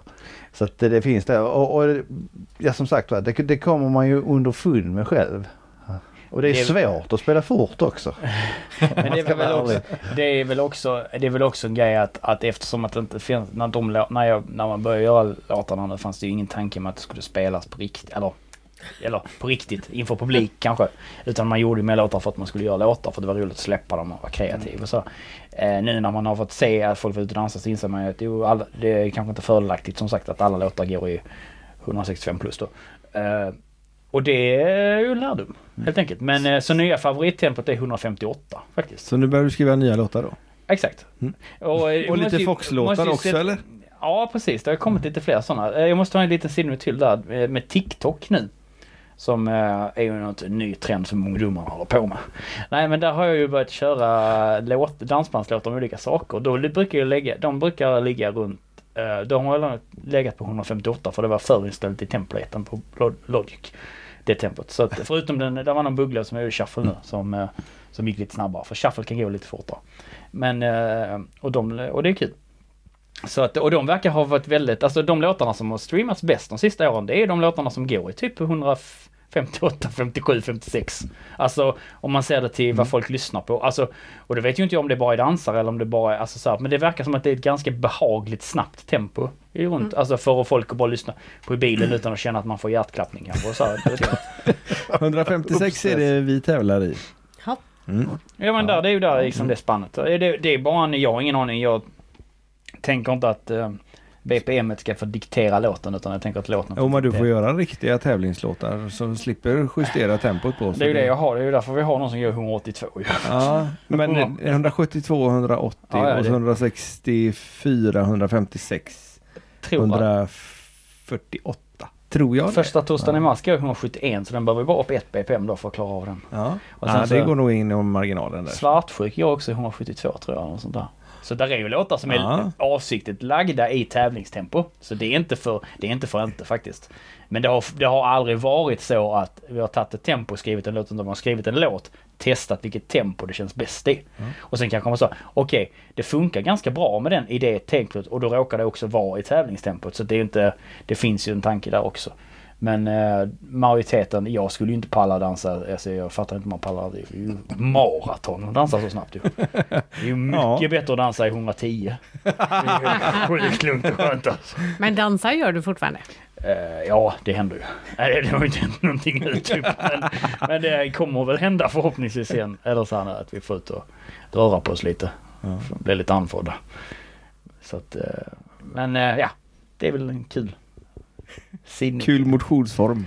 Det är en väldigt trevlig motionsform. Det är fruktansvärt mycket roligare att dansa i fyra timmar än att springa i tre och en halv. Det kan jag berätta för er, för det har jag gjort. Jag har en gång. Jag har sprungit en halvmara en gång. Det tog två timmar och 56 minuter. Det var precis skittråkigt hela tiden. Ja, då är det roligare med dans. Ja, Definitivt.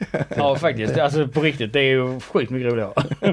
Så, och det är väl lite det som är eh, det vi tänker också därför som vi tänker att det kanske var- kan vara kul för vi har ju inte pratat så mycket om det. Nu kom jag på det vi skulle säga också som jag tycker är viktigt att tillägga. Det är att jag tycker att eh, man borde lägga in i alla buggkurser någon form av socialdansevenemang.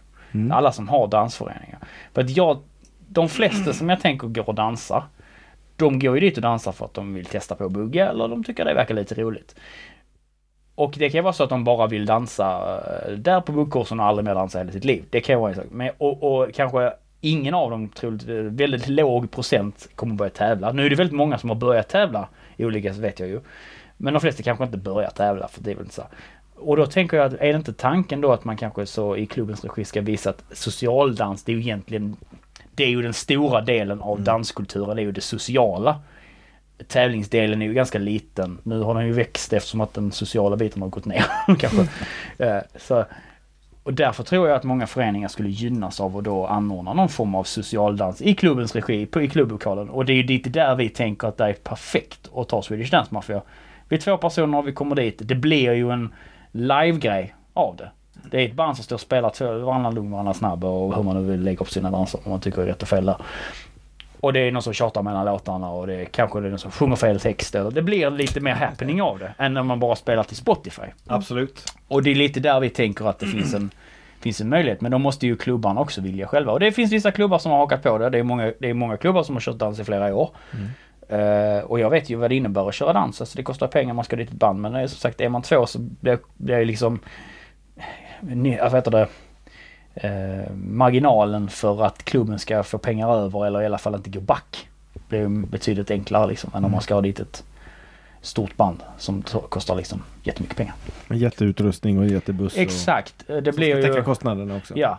Och det är ju kanske så, går man bookkort, man kanske inte vågar. Det är ju, har jag förstått att det är många som inte vågar gå ut och dansa för att de är rädda för att göra fel. Vilket är helt sinnessjukt, för hur kan du göra fel? Det är ju bara att gå ut och ha roligt och göra så gott man kan. Det är ju, Fast även de sociala koderna så kan jag tänka mig att man kan vara lite osäker på. För visst, man har lärt sig dansa, Ja, men, men Man- resten då? Liksom, nej, hur bjuder man upp och vem vågar? Jag vågar Ja, inte vad har man på sig? Och, Ja. Det är det nog ingen kurs jag har varit på som de har informerat om. Nej, Nej men typ, det är ju, och det tänker jag så att kan man då göra det för att eh, vi vill väl ha det är väl lite så här också att vi vill ha en levande danskultur kvar tänker jag oavsett om du vill, vill eh, tävla i bugg eller om du bara vill ut och ha dricka, ta en öl eller och dansa till något band eller vad du nu vill göra. Så är det väl en social umgängesform tänker jag. Och då tror jag att det är viktigt att även klubbarna kanske tänker att vi måste kanske stävja detta på något sätt. Absolut, och gärna börja med dans på klubben och sen kanske gå ut tillsammans. Så att man är ett gäng med de som har gått på kurs ihop som går ut tillsammans. Så att man vänjer sig att gå ut på dans. Det är ju ett, alltså det är, det är ett fantastiskt bra tillfälle att, eh, att ha, ha det på sin klubb naturligtvis. För sina medlemmar. För där är de trygga och känner bra och så kan man lära sig den biten också. Och sen så har de också ett fantastiskt band som kan spela för dem. Ja, Ingen nämnd. nej. Kurt Hagers. Det är tre bokstäver i alla fall. Nej men och jag vet, för jag vet, jag har en kompis eh, eh, som är dansinstruktör, oh, vad fint det lät, i Växjö. Eh, eh, Annie. Hon är på Jaivers. Hon har ju eh, buggkurser där och hon tävlar själv och så. här. Och hon eh, tar ju sina kursmedlemmar jätteofta så här. Bara så här, nu är det på lördag är det dans till Casanovas i Mörrum. Så nu ses vi hemma hos mig, de som vill får komma. Och sen så åker vi ihop dit och så sitter så då kan det vara folk som kommer till henne som aldrig har varit ute på dans någonsin. Jättebra grej. Exakt, och det är det jag menar. Kan man då kanske göra nu? Nu är det ju ett initiativ från hennes sätt att säga och jag tycker det är skitbra. Och de har ju, de anordnar ju också dans i sin egen lokal. Med alla de banden som finns liksom. Eh, Men jag tänker kan fler klubbar hoppa på det så tror jag också att, att det kan liksom ge ge lite mer ringar på vattnet när det kallar, liksom generellt dans. Om man, nu, om man nu brinner för dans och vill att dans ska finnas kvar och vill att dans ska kunna leva så tror jag också man kanske måste börja tänka lite outside the box. Men det är ju roligare att dansa till live även om det bara är två lajvare. Absolut. Lajvar. Ja. så. Man kan ju säga det positiva och det kan vara mindre fult på scenen. Exakt. Nej men det, är- det, och det är väl lite så, men det är ju därför vi, vi lever ju in, alltså saker och ting förändras och man måste våga förändras med. Man kan ju inte bara tänka att det ska vara som det har alltid varit för det funkar uppenbarligen aldrig att tänka så. Det kan väl historien utvisa sig. Så därför så tänker vi att vi är där och är det någon klubb som är intresserad av ett upplägg så hör av er. Vi, det är ju inte liksom vi vi hittar på något för att det, det, vi tycker det är roligt om vi får komma och spela och så förhoppningsvis så tycker de som vi spelar för det också att det är roligt och då har vi ju en win-win liksom. Och så hoppas vi bara att fler vågar tänka så här. Så att vi får fler aktiva band och sen är det klart, skulle vi kunna vara fyra personer och åka runt och spela på det, superroligt. Men om det inte funkar så kan vi köra så här för det är också kul. Mm. Så att, Nej det vet man inte. Det, men det ska inte vara det som är den styrande punkten. Så är det någon som är sugen på att anordna dans så är det som sagt var bara att höra av sig. Exakt. Vi gillar kaffe, det är bra. Och Ja. dricka tar vi. Så. Just det. Kanske någon mat innan också. beroende. ja. Mat- Eller efter, ja. under. Det är inte så kvissligt, vi är inte så noga där. Nej men det är väl lite så och jag, och jag tycker som sagt det är en eh, Det är en uppmaning till eh, alla dansföreningar som det finns någon som lyssnar på här att eh, Istället för att ni kör socialdans med Spotify-lista, testa att boka oss. Mm. Jag tror att det kommer att bli roligare. Alltså oavsett om man gillar det vi gör eller inte. Det, blir, det blir ju någonting annat när det är någon som står och tjatar Det blir lite annan stämning. Ja men jag tror ändå det alltså. Eh, För det var lite det som också var så här i början att ja, men vi, kommer, vi har ju spelat i hela band liksom. Och så här, komma två år. Kan det bli? Men det, folk tyckte det var roligt också. För, det, för du sa det bara Peter att det, det är ju fortfarande någon som står där som håller taktpinnen. Ja. Det blir en helt annan stämning. Är, är ni med? Tycker ni det är trevligt? Eh, Är det dags att applådera nu? Eller tjo och så här. Det blir en annan grej. Så att, eh, ja. Och ni tog ju till och med in gästsångerska. Ja precis. I Mörrum. Ulrika där ja. Mm. Ja. Det var spännande. Ja. Ja. Men det gick bra tyckte jag. Hon hade tydligen haft en del åsikter om eh, dubbelbuggslåten där. Ja exakt, hon, hon satt och lyssnade på podden och tyckte att uh, Tyckte att, eh, men så ska ni inte skriva där, så ska vi inte göra där, så ska ni inte göra där. Så skrev hon till mig, så, så skrev jag tillbaka, men skriv en egen låt då. Sitt inte där och gnäll. och då gjorde hon det. Så spelade vi, så spelade vi in den och gjorde en demo, eller bara så här. Och sen så spelade vi den där och den var ju trevlig. Så, att, eh, så det var kul. Ja, Och sen så skrev jag en låt till till hennes, de skulle ha till sin dansförening. Skulle de ha en låt eh, där hon var delaktig när jag är i Skåne. Så då blev det en låt till. Så det är väldigt kul. Så Är de släppta? Nej, ja, nej. eh, den... Nej, ingen av dem. nej, den finns på Youtube. Den... till eh, dansföreningen. Den heter Dansa och le, heter den. Dansa och Mm, le heter mm. de. Den finns på Youtube så det kan man söka på. Nu kommer, ja, deras dansförening heter ju Dansa och le också. Mm. Ja. Mm. Vi ser om vi hittar den. Jag kan sen om jag hittar den kan länka den till dig. Ja, det låter bra det. Nu eh, såg jag att den ena kameran dök av. Ja. Ja, Det det, betyder nog att vår tid är ute. Oh, Det känns lite som att du har solen i ögat. Kan man Ja, säga. något. Det känns att det, jag, jag gjorde ett bra drag att sätta mig på den sidan. Ja. Ja. Lite svalare. Den är mycket bättre den sidan och det är så, tur är så är det ju ni som är mest i bild. Ja, ja, så slipper jag svettades ändå. Så det löste. Ja men det löste jag ju med chilin. Ja, exakt. Jättekul att eh, ni kunde komma hit och eh, äta chili höll jag. Exakt, det var därför vi kom hit. Vi kom Ja. inte egentligen för att prata om allt det vi snackade om. Utan det var mest för att jag skulle, Ja, jag skulle om du- svettas, svettas er på er se om YouTube-kanal. du vå- vågar lite det. Snack- Snackar så mycket skit. Ja nej men eh, tusen tack för att vi fick komma. Det var Ja. jätteroligt. Ja. Vi har pratat om det ett tag men nu fick vi äntligen ja till men det. precis, Mm. det ska ju passa alla också. Ja, Och så hoppas vi på att vi kan komma ut och dansa till er också. Det hoppas vi också. Laholm sa du 18 april är närmast hittills just ja, nu. Ja, det blir ingen innan dess. Nej. Det kan jag nästan. Nej det tror vi inte. Nej. Så, så får vi hoppas att det blir fler. Och som sagt, eh, är det någon som känner för att anordna dans på något sätt så eh, hör av er. Ja. Det är Och så bara- följer man då Swedish Dance Mafia på alla sociala medier inklusive TikTok uppenbarligen. Precis, alla ska skaffa TikTok nu, in och gilla Ja. det. det. Kan... Och eh, Dryhimman eh, lägger vi länk till eh, Ja. på, eh, på Spotify. Kanske finns på andra ställen med. Du har ju ett Instagramkonto. Ja det finns väl där det finns. Vi Nej, men det är ju, Kolla in, låtarna- kolla i anteckningarna så har vi lagt till vad vi hittar. Nej men det, låtarna finns på Spotify och gick med det så finns de på Youtube. eh, och förmodligen en del andra ställen också. Och sen så jag har ju Instagram och Facebook fast alltså i Dryhimmans namn också. Så att Vi länkar. det, Vi bland, det länkar. blandar i. Alltså det, det finns ju där. Följ och njut. Ja, Och som sagt var, boka Swedish Dance Mafia så vi kan komma och dansa också. ja, det är Ja. perfekt. Det är Ja. bästa. Gött. Men eh, då kan vi ju faktiskt säga som vanligt. Vi ses på dansgolvet. Jajamän. Gör vi. Ha det gott! Hej då. Hej. Hej.